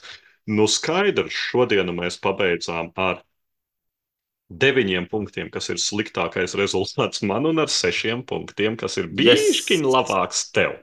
E, Man būtu jāiet pamācīties, es saprotu. Man būtu jāiet pamācīties, e, kā darboties ar finansēm un, un, un, un kā vispār sakārtot savu dzīvi, es jūtu. Ko tu teiktu, Kristap, ka ir tāda spēle, kas māca to, par ko nestāsta skolās un universitātēs, kas tev iemāca, kā kļūt bagātam un laimīgam, un tā spēle, kas tev iemācīs, kā pārstāt dzīvot no algas līdz algai. Oh. Kuras var dabūt? Es gatavs atdot visu, lai iegādātos šo Tu spēli. esi gatavs atdot visu. Ļoti Es labi. esmu gatavs. E, atdot Man ir prieks, ka kāds ir gatavs atdot visu, jo man šis teksts izklausās pēc smaga uzmetiena. Un uh, mums, ir, mums ir februārī tāds uzmetiens, par ko tāds netipisks uzmetiens. Mēs neviens neesam spēlējuši šo spēli. Un mēs Mhm. viņu neesam pat taustījuši un redzējuši, un mēs nepazīstam nevienu, kas šo spēli ir spēlējis. Tad kāpēc šī spēle ir Vai uzmetiens? gribētu spēlēt? Jā, vai Jā. gribētu. Uh, man Instagramā ļoti, ļoti aktīvi kreisajam tokenam ir Instagram, sekojiet, uh, laikojiet, bla, bla, bla. Uh, ļoti aktīvi mācās virsū reklāma ar uh, Latvijas spēli ar nosaukumu Žurkus Krējiens, uh, kurai, es saprotu, ir remakeota uh, Ukrainā izdota spēle pirms dažiem Mhm. gadiem. Un, nu, diemžēl, man izskatās, ka tas ir tāds kārtējais variācija par monopolu, tikai daudz, daudz sarežģītāka. Par ko man nav pretenzijas, jo monopola klonus ražo visi, vai ne? Jā, Problēma ir tā, kas ir šīs spēles teksti. Es jau teicu, ka tev nestāstīs skolās un universitātēs to, ko iemācīs šī spēle. Tu kļūsi bagāts un laimīgs. Spēle tev atklās iespējas personīgā biznesa uzsākšanai. Spēle palīdzēs panākt finanšu neatkarību. Viņa mainīs spēlētāju domāšanas veidu, saīsinās ceļu no nabadzības uz bagātību. Šī spēle tev palīdzēs pāriet no algota darba uz savu biznesu. Un ne tikai tev, bet arī taviem bērniem. Jo tavi bērni saņems ne tikai aizraujošu izklaidi, bet vērtīgas iemaņas, kas palīdzēs viņiem kļūt veiksmīgiem reālajā dzīvē. Tā ir tavu bērnu iespēja kļūt laimīgiem un bagātiem. Un es neko te neizdomāju, es vienkārši lasu tekstu no spēles mājaslapas. mm. Uh, jā, spēles laiks 4 līdz 6 stundas, spēlētāju skaits 2 līdz 8, optimālais 5 līdz 8. Uh, pirmkārt, es teiktu, ka par šo nebūtu vispār jēga runāt, bet vizuāli mēs te nerunājam par kaut kādu sakasītu cirka versiju uzliktu uz latgales kartes, par ko mēs esam iesmējuši. Jā. Tā spēle izskatās kvalitatīvi, viņa izskatās eh, stilīgi pasniegta, viņa izskatās, jā, monopola veidīgs, bet tiešām tāds reāls produkts. Ko tu vispār par to saki? Šitais ir vienkārši trakākais pasākums, kas pēdējā laikā bijis. Kā arī, kā Toms teica, man arī nepārtraukti reklamējās. Bet mēs, un vairāk mazāk, lai vizualizētu vairāk, kas tur notiek, šī spēle ir monopols ar tādiem diviem apļiem. Kur sāc tā Nabadzīgu kā- apli un bagātu apli. Viņa tā arī saucas. bagātu aplis, jā. Un man patīk, ja noteikumi sākumā saka, no, tu sāc spēlēt pēc daudzām, daudzām stundām, tur nonāks bagāto aplī, kur tu uzvari, ja tu uzkāp uz viena lauciņa, un tev ir naudas, lai viņu nopirktu vienkārši tik dūli. un katra aplī ir bankrota kārts, kur tu atkal nonāc uz nabadzīgo apli, tur jēziņ. Uh, pirmkārt, šautauts tiem cilvēkiem, kas to ir spēlējuši un pabeiguši. Šis izskatās absolūti traki. Bet uh, jāsaka, ka tie paši mēs esam lasījuši noteikumus. Noteikumi nav drāmīgi uzrakstīti. Kā daudzām citām šādām spēlēm, kas mums bieži atnāk spēles, kas ir mm, kaut kādas adaptācijas vai izdomātas no projektiņiem. Un tur mm. vispār tur ir uzrakstīts divos, trīs veidos, kā uzvar spēli. Viens tā kā uzvar tas, kurš savāc vairāk naudas, otrs ir uzvars tas, kurš ir apsēdies pirmais uz galda un tad nesaprot, kas tur notiek spēlē. Šeit var visu saprast un var pat uh, izdarīt un spēlēt. Tā tīri tehniski, bet uh, tas ir uzmet kaulu pai un tur nenormālā dinamika un atšķirība no monopola. Te ir vienkārši vairāk kartiņu. Nu, tas kartiņu skaits ir pamatīgs. Nu, ja jau tu Jā. iesāki, kas man šķitas labās puses? Kā saka, neesmu redzējis, neesmu dzirdējis, viedoklis man ir. Spēles labās puses viena man šķiet ir moderna tematiskā pieeja. Jo spēlē figurē gan svaigā atmiņā esošā pandēmija, gan kriptovalūtas, gan konkrētu biržu Mhm. akcijas. Tas ir, ir lokalizēts, tiešām lokalizēts skatījums. Tu atradīsi šeit hipsterīga medus tirgošanu, tu atradīsi lauku īpašumu atjaunošanu rūjienā. Nu, tas tādam normālam letiņam saprotams biznesa štēles te ir iekšā kartiņās. Un eh, tieši tā noteikumi. Noteikumi ir 18 lapas, un uh, ar, ar piemēriem, ar bildītēm viss šķiet detalizēts. Mm -hmm. Ir mobila aplikācija, kā spēles asistents, tā ka piestrādājums ir milzīgs, bet nu, pie kā ir piestrādāts? Redzi, te ir tas Man liekas, te ir tas līdzsvars starp to, vai tas ir humors, vai tas ir pa nopietnu. Jo, ja tas ir humors, tad hihihaha ir kind of smieklīgi. Ja tas ir pa nopietnu, tad ir bēdīgi. Piemēram, kartiņas, Jā. ko tu spēles laikā izvelc. Lieliski nosvinējām jauno gadu. 500 eiro, ja jums ir dzīvoklis, 1500, ja jums ir māja. Jāatdod. Steidzami nopērciet jaunus aizkarus. Kaimiņiene pateica, ka tagadēji aizskari izskatās briesmīgi. Mīnus 300 eiro, ja ir dzīvoklis, mīnus Jā. 2500, ja ir māja. Nu, tad man ir skaidrs, viss, ko spēle man dod padomu, nepēc māju. Ja? Vienkārši visu laiku maksās par aizkariem un visādu figņu. Tad Tā arī, jau ir. nu, tā jau ir. Padoms mazajam biznesam, padoms. Es citēju, noīrējiet biroju, pieņemiet darbā jaunas meitenes ar garām kājām, lai viss izskatās solīdi, un norganizējiet uzņēmumu, kas nodarbojas ar konsultēšanu nodokļu jautājumos. Tas ir no spēles teksts. E, Nu, jā, nu, te ir vairāk jautājums tieši tā par to, ka, ja cilvēks ir wargaming hobijā, tad viņš zina to stilu, kādā viss notiek. Un, e, ja tu Mm. neesi, tad ir cits, cita runa. E, Nodokļu jautājumi. Ja sektors vidu pārbauda, nonākot sektorā, atdod 10%. Nu, mēs visi zinām, ka tā arī notiek. Ja pie tevis atnāk vidi, tad tev ir jāatdod 10% Jā, no jā. naudas. Viss ar to arī viss beidzas. E, Man šķiet interesantākais ir tas. Kas ir spēles mērķa auditorija? Jo, kā mana sieva saka par vientiešiem, ka vientieši uzskata, ka, ja spēle ir dārgāka par 20, 30 eiro, nu nevar tā būt. Tad tas jau tur, tur, tur, tur tas nav reāli. Tas nav iespējams. Jā. Jā. Mm. E, Kur ir uzmetiens? Kāpēc mēs šo ielikām uzmetienā? Ne jau lai pasmietos par monopolu klonu. Spēles cena. Spēles cena. Šī spēle maksā 165 eiro. Tātad vientieši nav mērķa auditorija. Atliek hardcore gameri. Un hardcore gameri pat lielajos kickstarteros tik lielu piķi neatstāja par spēli. Un hardcore gameri pazīst drēbi. Tā ka, nu, piedodiet, man liekas, ka pat Katanas ieceļotāji iemācīs vairāk par ekonomiku un finansēm kā šī spēle, izņemot, ja tiešām visa sāls ir cenā. Jo es gribu no savas puses pēdējo, ko es gribu pateikt, ir tāda anekdote par vilciena kupeju. Tur brauc divi cilvēki, un viens izvelk maisiņu ar reņģiem un ķeselē ar dakšas stūrīti ārā reņģu acis un ēd. Un otrs viņam prasa, nu, kāpēc tu tā dari? Viņš saka, nu, kā reņģu acis dod gudrību un finanšu pratību. Viņš saka, opā, tas otrs, nu tad varbūt iedos man arī, nu labi, es tev varu pārdot šitam, tur rekur trīs, četras reņģis, ja tur par kaut kādām desmit naudām. Jā, nu, protams, tas nopērk, sāk ķeselēt tās reņģu acis ēt, un pēc brīža saka, bet klausies, es par to naudu varēju nopirkt 5 kg reņģu. Un tas, kurš pārdeva, saka, nu redzi, strādā, strādā reņģācis.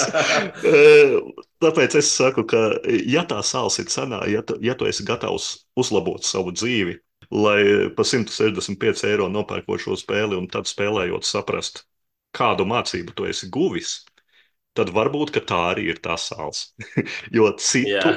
es neredzu mērķa auditoriju, es neredzu noietu, es neredzu neko, kā var pārdot kaut vai vienu kopiju šādam produktam. Jā, greizi. Bet, bet, ja man kāds uh, uzdāvinātu, vai kāds, piemēram, atbrauktu, uh, es izspēlētu vienreiz. Jo man liekas, būtu absolūti dulla, rēcīga pieredze. Es domāju, ka pirmkārt, tu neizspēlētu visu partiju. Tu viņu uzspēlētu, jā. Un jā, Jā, man, jā, jā. man tiešām patiktu, jā, tās lokalizētās stelles, kādas tur kartiņas ir izdomātas un kāds tajās kartiņās ir humors, ja tas tiešām ir humors. Uh, jā, tas varētu būt fini un uzspēlēt viņu kā modernizētu monopoli, teiksim tā, pieņemsim. Pieņemsim, Jā, jā, ka tas jā, ir jā. modernizēts monopols, bet, nu, kā mēs visi zinām, monopols ir pagājušā gadsimta vidus spēle ar atbilstošiem mehānismiem, un ja tu mēģini taisīt kaut ko jaunu, kas atdarina monopolu, tas ir tā kā pirmos no Forda konvejera noripojušos auto, mēģinām uzķūnēt un palaist braukt tagad ārā uz šosejas. Rīga Jāgala vai vēl labāk uz Via Baltika, kur kāds smagais ar garām ejošu vēja plūsmu iesviedīs grāvī. Lai jau, lai jau veicas tiem, kas darbojas un mēģina taisīt biznesu, bet uh, runājot par biznesu, labāk ir meklēt tomēr tos padomus biznesam citur, nevis mūsu šīs dienas uzmetienā. Kā jau parasti. pats pēdējais, kas ir katrā kreisā tokena epizodē, ir kreisais top 5. Uh.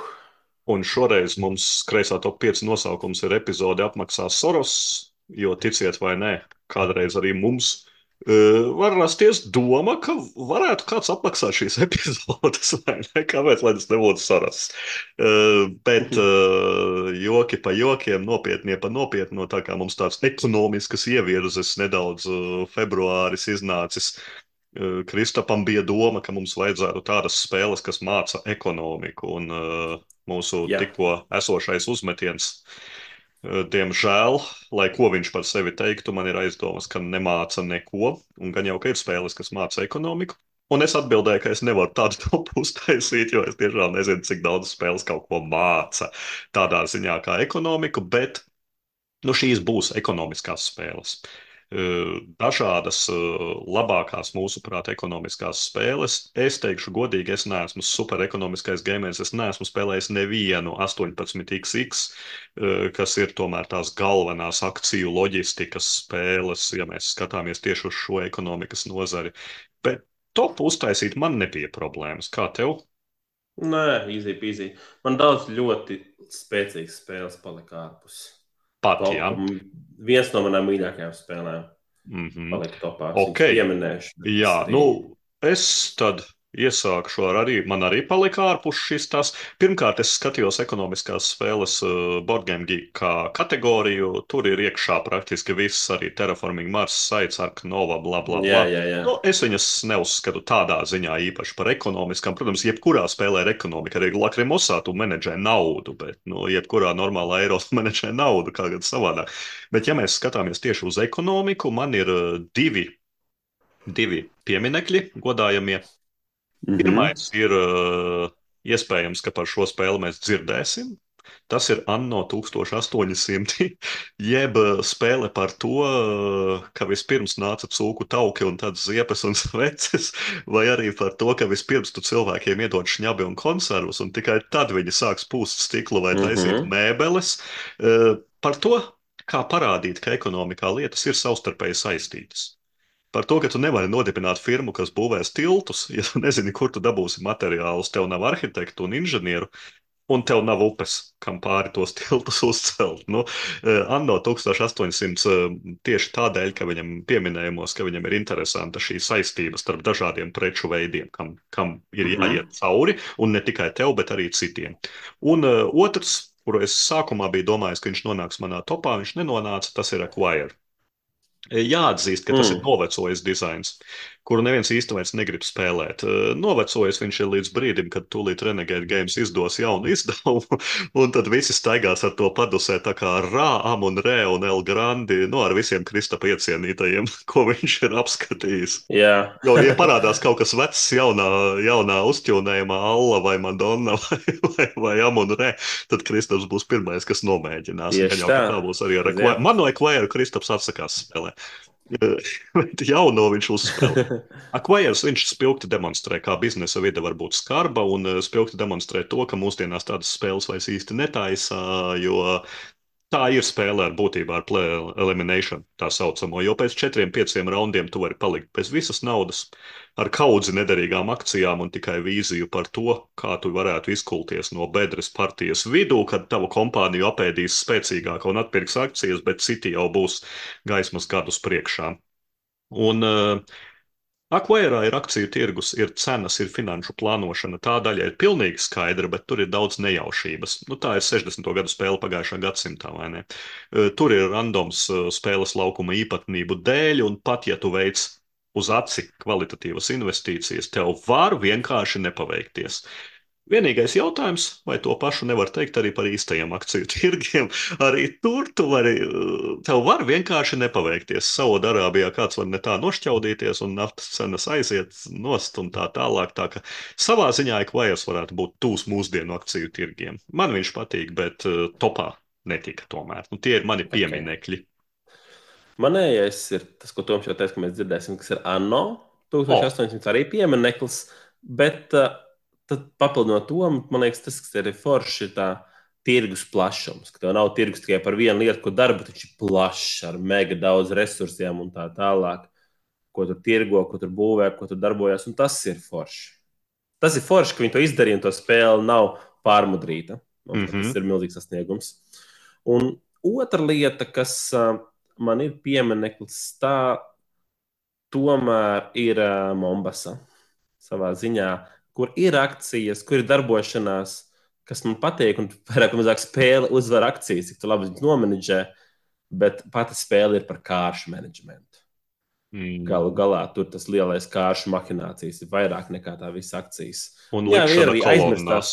Jā, jā, jā, ir arī aizmirstās spēles, kas te varētu būt. Ja viņš būtu spēlējis vairāk, kas ir bass vai dekost, kas ir par autobusu tīklu vai par asbestu ražošanu. Bet man sajūta bija, ka viņas ļoti labi darētu, bet viņas esmu pasen spēlējis un īsti vairs nevaru uh, atsaukties. Tik, tik vien, ka man mm, tiešām bija forša pieredze, mm -hmm. bija mhm. ekonomiskas spēles. Jā. Jā. Nu, man topā būs Top. vismaz divas pasen spēlētas spēles. Mm -hmm. Mm -hmm. Un uh, viena no tām ir piektajā vietā, un tā ir spēle, kura parāda to, ka biznesa sākas no paša sākuma. Un kas ir pats sākums? Pats sākums, protams, ka ir plantācijas. Kas gan cits? Nevis biznesa plāns vai kaut kas, bet tev ir vajadzīgas plantācijas un tev ir vajadzīgi kolonisti, lai kārtīgi rukātu. Um, oh. Man piektajā vietā ir uh, ilga laika Board Game Geek pirmā vieta Puerto Rico. Un uh, Puerto mm. Rico kā tāda eiro žanra klasika un ekonomiskā. E, patiesībā tur ir diezgan daudz lietu. Ja mēs skatāmies uz ekonomiskajām spēlēm, kur kaut ko var mācīties, tad te var. Ir četri dažādi resursu veidi. Ir e, teiksim, tā produkcijas veidi. Tu vari audzēt lēto indigo vai arī dārgo kafiju, visdārgāko, un pa vidu vēl ir tabaka, cukurs un tā tālāk. Tātad tu ievies plantācijas, kuru ieviešana arī attiecīgi maksā. Tu vari ieviest lētākas plantācijas vai tēmēt uz dārgākām. Dārgākās plantācijās tu dabūsi dārgākus produktus, kurus uh, tu varēsi dārgāk pārdot, vai arī viņus mazāk ražos citi, un tu varēsi viņus sūtīt uz Eiropu šos produktus, lai veiksmīgi iegūtu punktus. Un uh, Puerto Rico viņš savā veidā arī daudziem nepatīk Tāpēc tiem, kas ir daudz spēlējuši, vai tiem, kas satiek tos, kas ir daudz spēlējuši, kas ir vēl sliktāk, eh, ka Puerto Rico ir savā ziņā skriptēts. Tur eh, nav īsti šī nejaušības elementa, un uh, tur ir zināms, teorētiski ir uzrakstīts, ko ir jādara pirmajā gājienā, ja tu esi pirmais spēlētājs, ko ir jādara pirmajā gājienā, ja tu esi otrais spēlētājs, līdzīgi kā šahā līdz gājienam 4., 5., 6. aplim, visiem ir kuri māca Puerto Rico, viņiem ir zināms, ko darīt. Es nekad neesmu šajā kategorijā bijis, un uh, es esmu paskatījies, ko vajadzētu darīt. Es esmu pāris partijās pamēģinājis to darīt kādreiz sen. Eh, kad es Puerto Riko aktīvāk, biežāk spēlēju, abās partijās esmu zaudējis. Ka es pirms tam biju uzvarējis, darot to, ko nevajag darīt. Tad, eh, tad man ir ideja, ka tad ir tev jāspēlē pret tādiem pašiem pro, kuri dara tieši pēc tās pašas grāmatas, kā tu, un tad tu vari uzvarēt. Eh, bet, bet, bet Puerto Riko ļoti svarīgi, un tas, es domāju, ka ir piesaistāms jebkuram biznesam, ir nu, tava konkurence. Uh, principā ar ko tu esi pret ko un kā. Jo Puerto Rico pats labākais, kur ir būt izdevīgākā situācija, ir, ja pirms tevis kāds nolaiž luni vai uh, izdara kaut ko, ko viņš domā, ka viņam ir labi. Uh, bet patiesībā viņam būs labi tajā brīdī, uh, bet labi būs tev, jo tu būsi nākamais pirmais spēlētājs, kurš izvēlēsies to lomu, lai kaut ko iegūtu. Jo pie, klasiskais piemērs Spēlētājs A izvēlas ražošanu, visi spēlētāji dabū saražot no savām plantācijām. Visiem stāv priekšā čupa resursi. Spēlētājiem A gājiens beidzās. Spēlētājs B, kurš sēž aiz viņa, paņem saražoto preču tirgošanu vai sūtīšanu uz Eiropu. Viņš dabū visu labumu, spēlētājs A būs pēdējais papli, viņš savas preces izgāzīs okeānā visdrīzāk. Un, uh, tur, tur, tur ir tā nianse, ka Puerto Rico, tāpat kā īstajā biznesā, ja tu esi pareizi sapratis, ar ko tu konkurē, kurā brīdī un kurā brīdī palaist tirgū kaut ko, eh, tad, tad, tad eh, tā spēle var būt tiešām forša, jo projām kā ekonomiskā spēle un ja ir iebildumi pret, pret, pret, pret tematiku ar kolonistiem, ko ievada no Āfrikas un, un, un vispār plantāciju apstrādāšanu, tad Puerto Rico ir arī jauna versija iznākusi pirms kaut kādiem pāris gadiem, kur es saprotu, ka tematiski viss ir nogludināts un noteikti, ka ir vērts dīvaini, kāpēc Kristaps joprojām nekad nav spēlējis kā veco versiju. Nē, es redzēju, ka kāds spēlējis. Jā, nu, nacīm redzot, nevienam viņa nav tieši tā. Bet ir Jā. vērts pameklēt Puerto Rico. Lūdzu, piedāvājiet man kādreiz Puerto Rico, es noteikti uzspēlēšu. Ok, labi. Runājot par konkurenci. Man piektajā vietā ir viss nežēlīgākā konkurences spēle, man liekas, ko es esmu spēlējis. Kas ir uh, spēle par dambju būvēšanu. Tas ir barāžs. Kas uh, nu, arī jau ļoti kotējās. Pirmā simtnieka spēle. Bet, principā, tas, ko spēlētāji dara, viņi grūti sūri saliek savus terē, savus resursus, lai būvētu dambjus, būvētu elektropārstrādes rūpnīcas, konduktors, kas to iznes visam cauri. Un tas joks ir tāds, ka spēlē tek tādas upes ar ezeriem. Pie ezeriem tu būvē, un tev kāds vienmēr var piebūvēt priekšā savu dambi augstākā zonā. Un tad tur nāk ūdens, un tas viss ūdens apstājās pie tā spēlēta dambi. Viņš aiznes to uh, pārražoto ūdeni tālāk. Tie ir ļoti rūpīgi jāskatās, kur tu būvē, kā atnāks ūdens, kur citi būvē, kā viss darbojas. Jo tā ekonomika ir baigta trausta. Resursi ir uh, grūti dabūnam. Tev ir grūti uzbūvēt to savu dambi. Un viņš maksā gan strādnieciņus, gan uh, monetāros resursus kā tādus. Tas uh, ir tāda milzīga tirgus sa- sadaļa. Tu neesi tā kā bieži eiro spēlēs. Tev ir ekonomika, tu būvējies, taisa savus uh, mobīlos telefonus, taisa kaut ko citu, un viss notiekās. Nē, te ir super smagi jāskatās laukumu. Tāda maza forša ekosistēma. Es esmu spēlējis vienreiz uh, dzīvē, un es esmu pagad, pēdējā laikā pāris reizes paspēlējis Borgiem arīnā. Un jā, ir forši arī digitālajā versijā, kur viss sarēķina un tā tālāk. Bet es no tevis esmu sapratis, ka tas nav tāds nu, vienas kļūdas spēle. Nu, pat ja tevi izslēdz un atņem tev to ūdeni, tu vari izkulties un vēl spēlēt labi to partiju. Ne? Nu, vari. Vari, jo tur sūnens pāries pār, tu iespējams neuzvarēs vairāk. Bet nav tā, ka tu esi galīgi, galīgi zaudējis, jo visiem tas ražošana ir grūta un taisām. Bet, ja tu galīgi ne, neskaties un neplānos priekšu, kā kaut kur būvēt, tad nu, tu esi norakts. Mm. Te ir rīktīgi jādomā. Jā. Jā, Nu, garāžs. Tu, Kristap, lielies savā piektajā vietā ar pirmā simtnieka spēli. Es lielīšos ar pirmo vietu Podemgīkā. Un uh, tas, protams, ka ir brass, uh, principā vienalga, vai Birminghams vai Lankashīrs. Man, nu, es spēlēju abus, protams, ka Birminghams ir jaunāks, modernāks ar papildus featurām. Un uh, Brass Birminghams nevelti viņš ir tur, kur viņš ir, un kāpēc viņš cilvēkiem patīk, jo e, citas tāda tipa spēles nemaz augšgalā boardgame geekā nav. Reāli Brass ir tāds pick-up and delivers, tāds ekonomiskais, bet tajā pašā laikā apvienojums ar eiro, ar e, karti, ar e, kārtīm, ar kurām tu izvēlies savas, savā ziņā darbības, ko tu darīsi.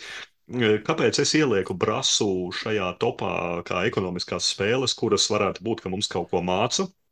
Nu, pirmā pati loģiskākā lieta, ko mums māca Brass, tā ir, tā ir, tā ir loģistika, tas ir transports. Brass ir par uh, industriālās revolūcijas attīstības laiku, kad sākumā Anglijā viss tika transportēts, uh, visi produkti pa upēm, pa kanāliem.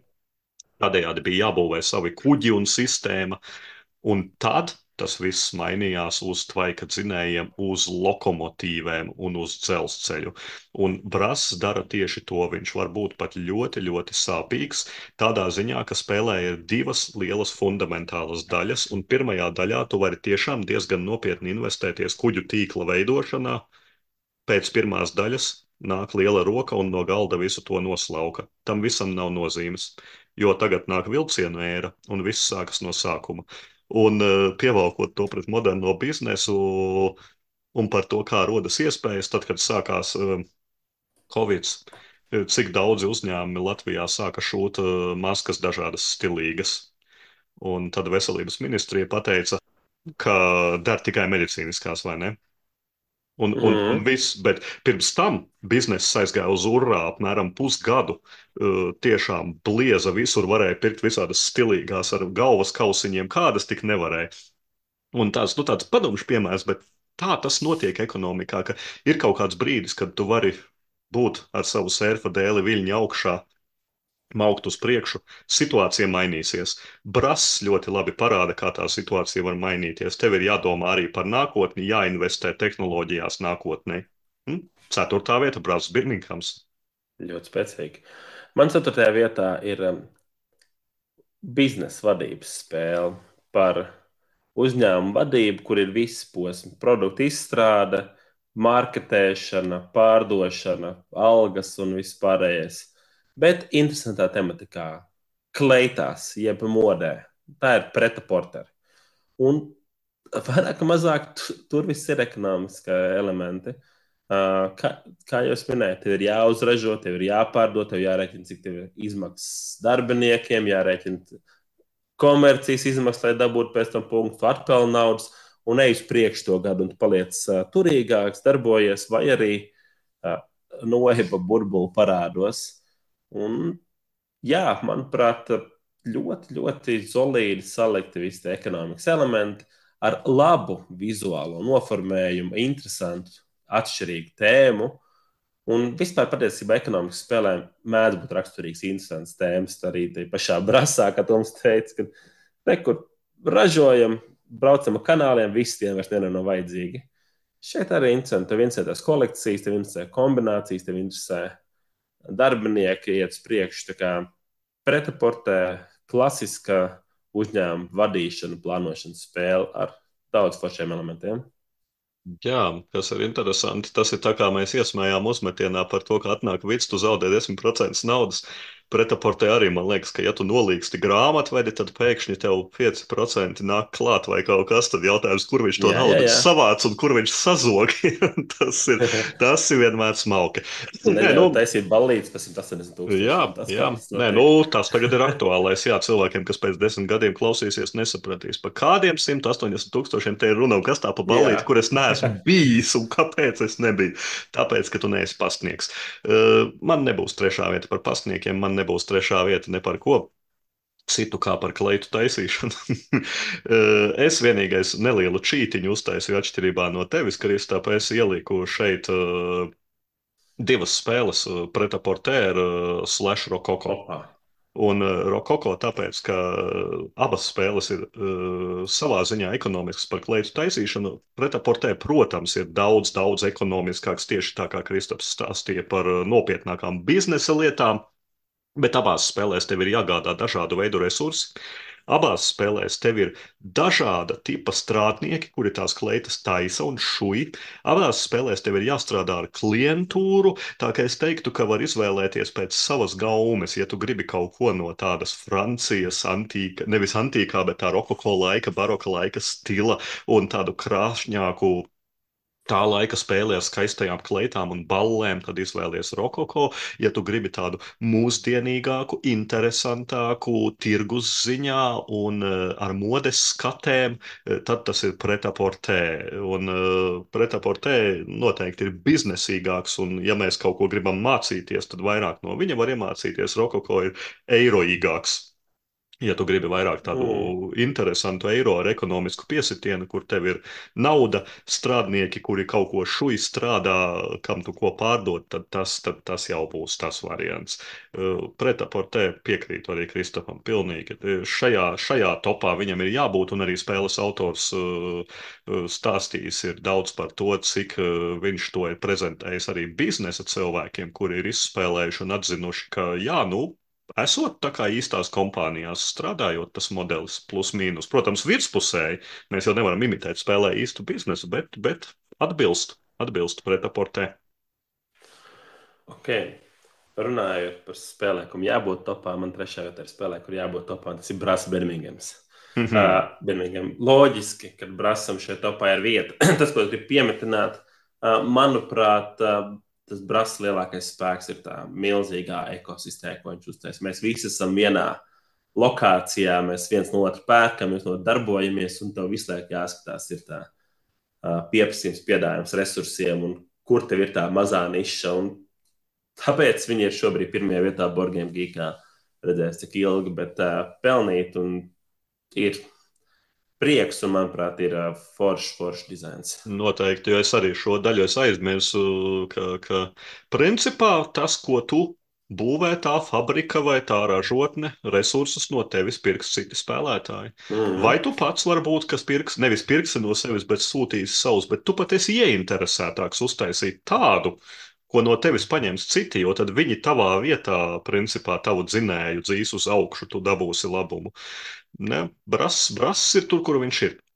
Un ir vēl viena spēle, kas ir tur, kur tā ir jau, jau daudzus, daudzus, daudzus gadus. Un tas ir no tās Puerto Rico kategorijas, vai ne? Tas ir cits lielais P, tas ir Power Grid. Varbūt kādam mm. gribētos teikt, funkenšlāga vai ne? Power Grid jeb spēle par to, kā elektrificēt Eiropu vai Ameriku kura, kuru kartes pusi pagriezīs, to spēlēs. Un, iespējams, ka šī ir tāda ekonomiskā spēle, ko jau tādi jaunāki gameri, nevis gados, bet tādi, kas vēlāk iegājuši hobijā, ka viņi ir palaiduši garām, jo tā tomēr bija līdz 2010. gadam, bija tas popularitātes pīķis šai Friedmana frīzes spēlē.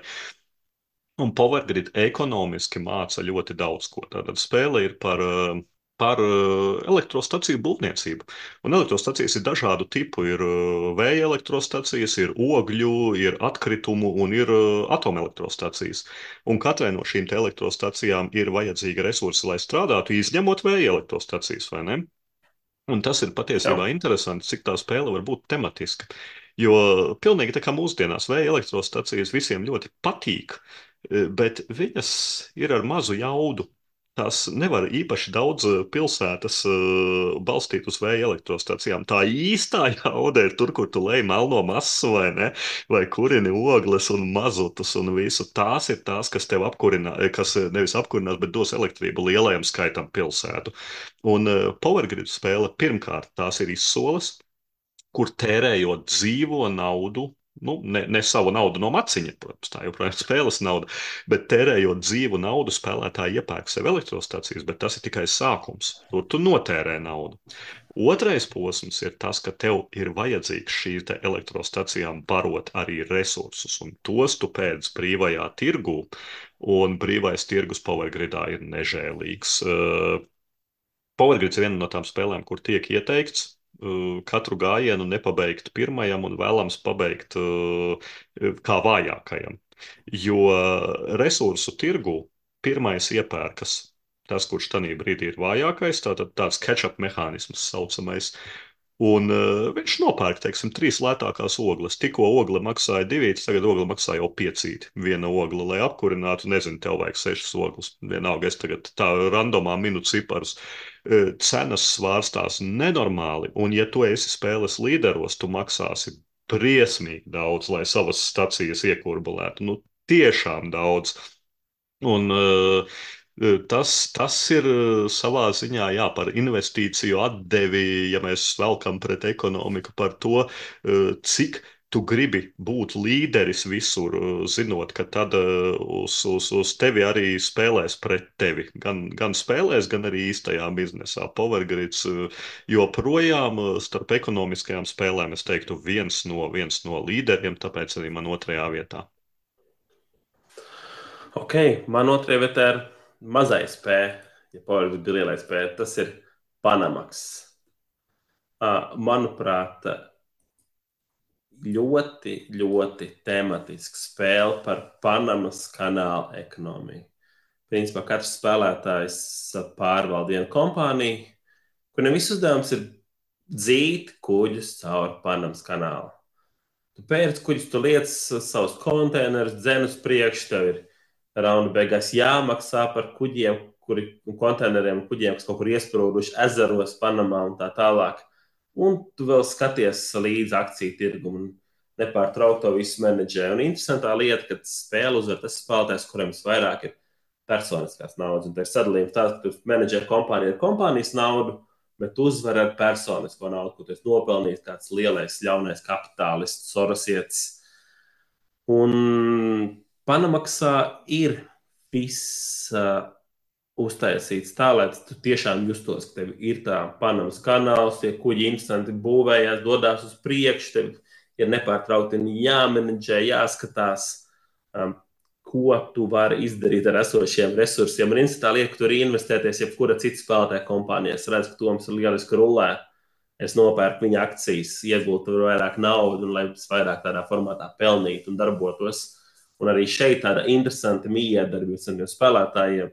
Bet tā lieta, kas man patīk, ir tāda paigā konkrētība, kur tas notiek, kāpēc tas notiek un kā ir tie ekonomiskie mērķi. Un pie tam tas ir, manuprāt, diezgan eleganti sasaistīts ar to reālo pasauli, jo šogad Panamā bija milzīgais sausums, un tas ārkārtīgi, ārkārtīgi ietekmēja kuģu cenas, jo viņi vienkārši nevarēja dabūt pārāk daudz kuģus caur šiem visiem kanāliem. Tas, mēs redzam, cik tas patiesībā ir trausls pasākums.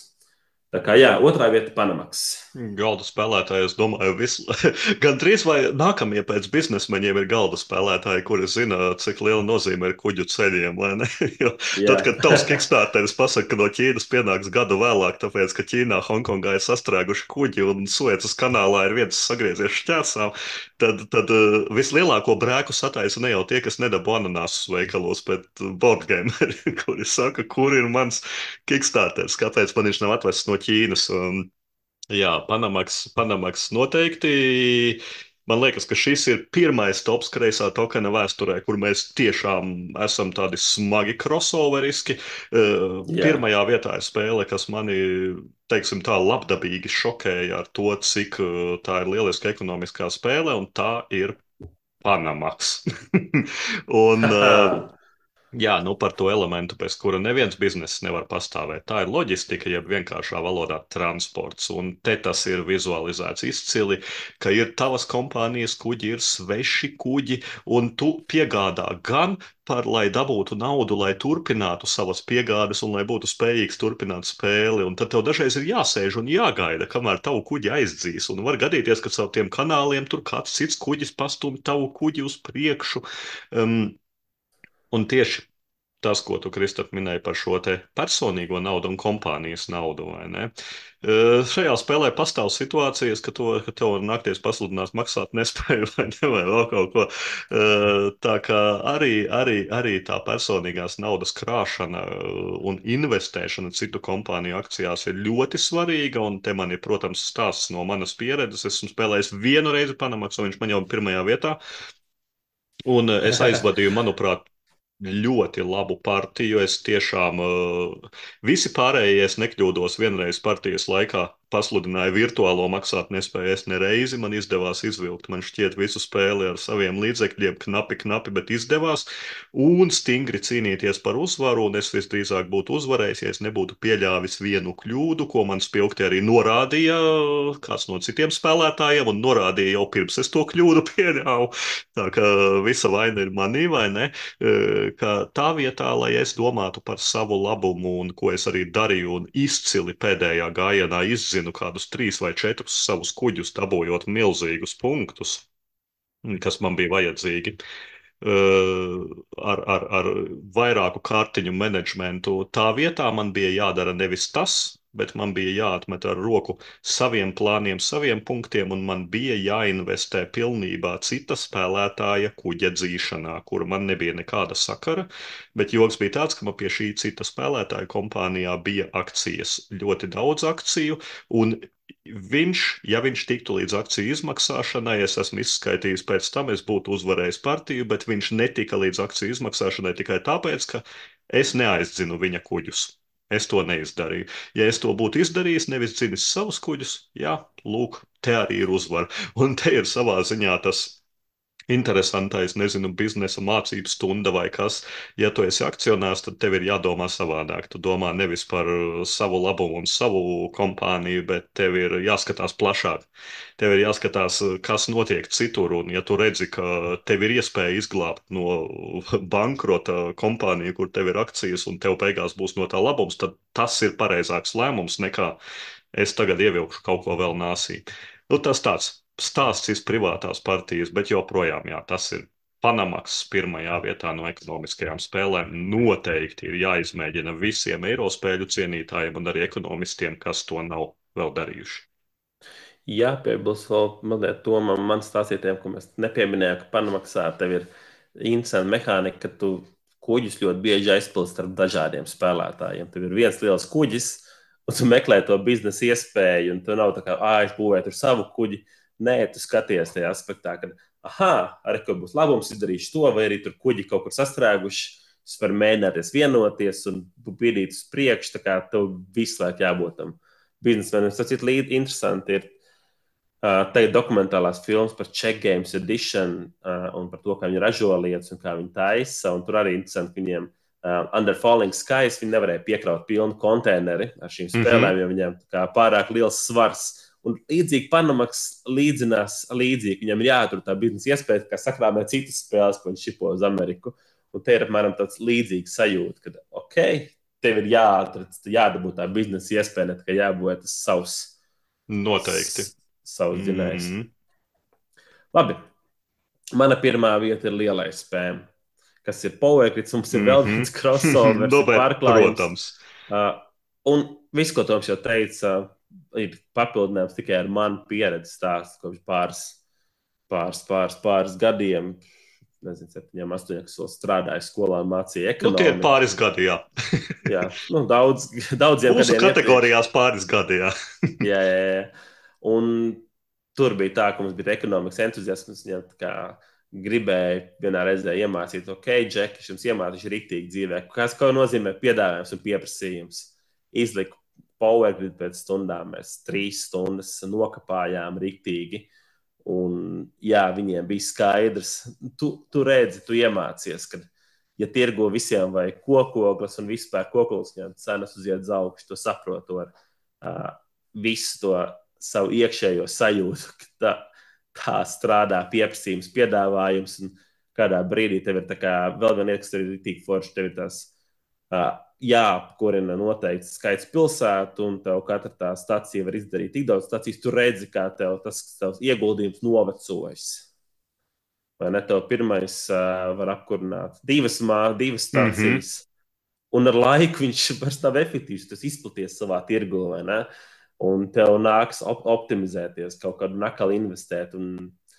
Ļoti bieži tev jāatrod operatīvais uh, variants, jo nevienmēr tā lielākā stacija, kas maksā 50 naudas, tā tālāk būs tā, kas tev aizvedīs to uzvaru. Tev ir jāatrod šie skati. Power Grids joprojām ir man viena no pirmajām spēlēm, ko es spēlēju. Arī mēs spēlējām pēc studijām daudz un dikti un lielos, lielos baros. Un pirms pāris gadiem uzspēlēja atkal. Ir forši, un manuprāt, viņi stāv lieliski caur visiem Jā. šiem laikiem. Tā kā es noteikti ieteiktu izspēlēt kādreiz. Labs aspekts, ko tu minēji. Tieši tā, saprast arī biznesā, kurā brīdī beigt spārdīt, beigt to zirgu un, un, un, un, un saprast, mm. ka tava investīcija nav bijusi laba. Jo ir gadījušās pavaigada partijas, kur tu tiešām nopērci par lielu naudu kaut kādu elektrostaciju, un jau pēc pāris gājieniem tu saproti, ka nē, man viņa nedara īsti, vai ne? Principā es varu turpināt mocīties ar viņu. Vai arī pilnībā pārstruktūrizēt domāšanu. Un tas ir smags mm. lēmums, jo bieži vien tu turpini mocīties ar viņu līdz partijas beigām, un varbūt tu pat uzvari, bet tas ir ļoti smagi un sakritība. Bet pārsvarā yep. gadījumā tomēr ir jā, jā, visu laiku ir jāpilnveidojas, visu laiku jā, ir jāmaina kaut kas, kaut kur. Ja tam ir ļoti jāskatās tas kopējais tirgus, tad tu skaties, ka viens nopirks urāna staciju, otrs nopirks urāna staciju, trešais nopirks urāna staciju. Tev ir jāspēj saprast, ka tas uh, urāna cena aizies pilnīgā dimbā, ja, viss, ja arī tu viņiem pat ja viņi lēta, tev ir jāsaprot. Protams, dar, protams. Kā. Nu, kā Jā. jau viss tā biznesā. Tam arī bija domāts mūsu tops. Jā, vai, vai ir spēles, kuras kaut ko var iemācīt tiem, kas ir biznesā. Un es nešaubos, ka kārtīgāki, smagāki ekonomiskie gameri varētu šeit ienākt iekšā ar daudziem citiem piemēriem, bet es teiktu, ka tās spēles, kuras mums bija tā saucamie crossoveri, nu, tām ir vērts pievērst uzmanību. Jā, Panamax Power Grids, uh, pretaportē, brāzs, tāda būtībā četras, četras jau ir uh, tādas, ko ir mēs abi esam atzinuši. Un, un, un noteikti Tieši ir vērts tā. pamēģināt, pat ja ir jāizrok no vecākiem putekļiem kaut kur. Un man ir radusies vēlme, es nezinu, varbūt biržas varētu būt ap šo brīdi, kad mēs ierakstām, Amerikā ir atvērtas vaļā. Man ir radusies vēlme, ka vajadzētu iet un pirkt akcijas. Nu, vai vismaz uzspēlēt kaut ko ar akciju pirkšanu, ka ir pienācis laiks, jo runāt ir viena lieta, bet, bet, bet veidot biznesu ir cita. Jā. Kaut kā... vai stockpile. kaut vai stockpile, jā, kā saka, no hard feelings monopolu cienītājiem, bet mēs pieturamies pie cita. Šoreiz viss kreisais tokens februārī sakā tā tā. Tā tā.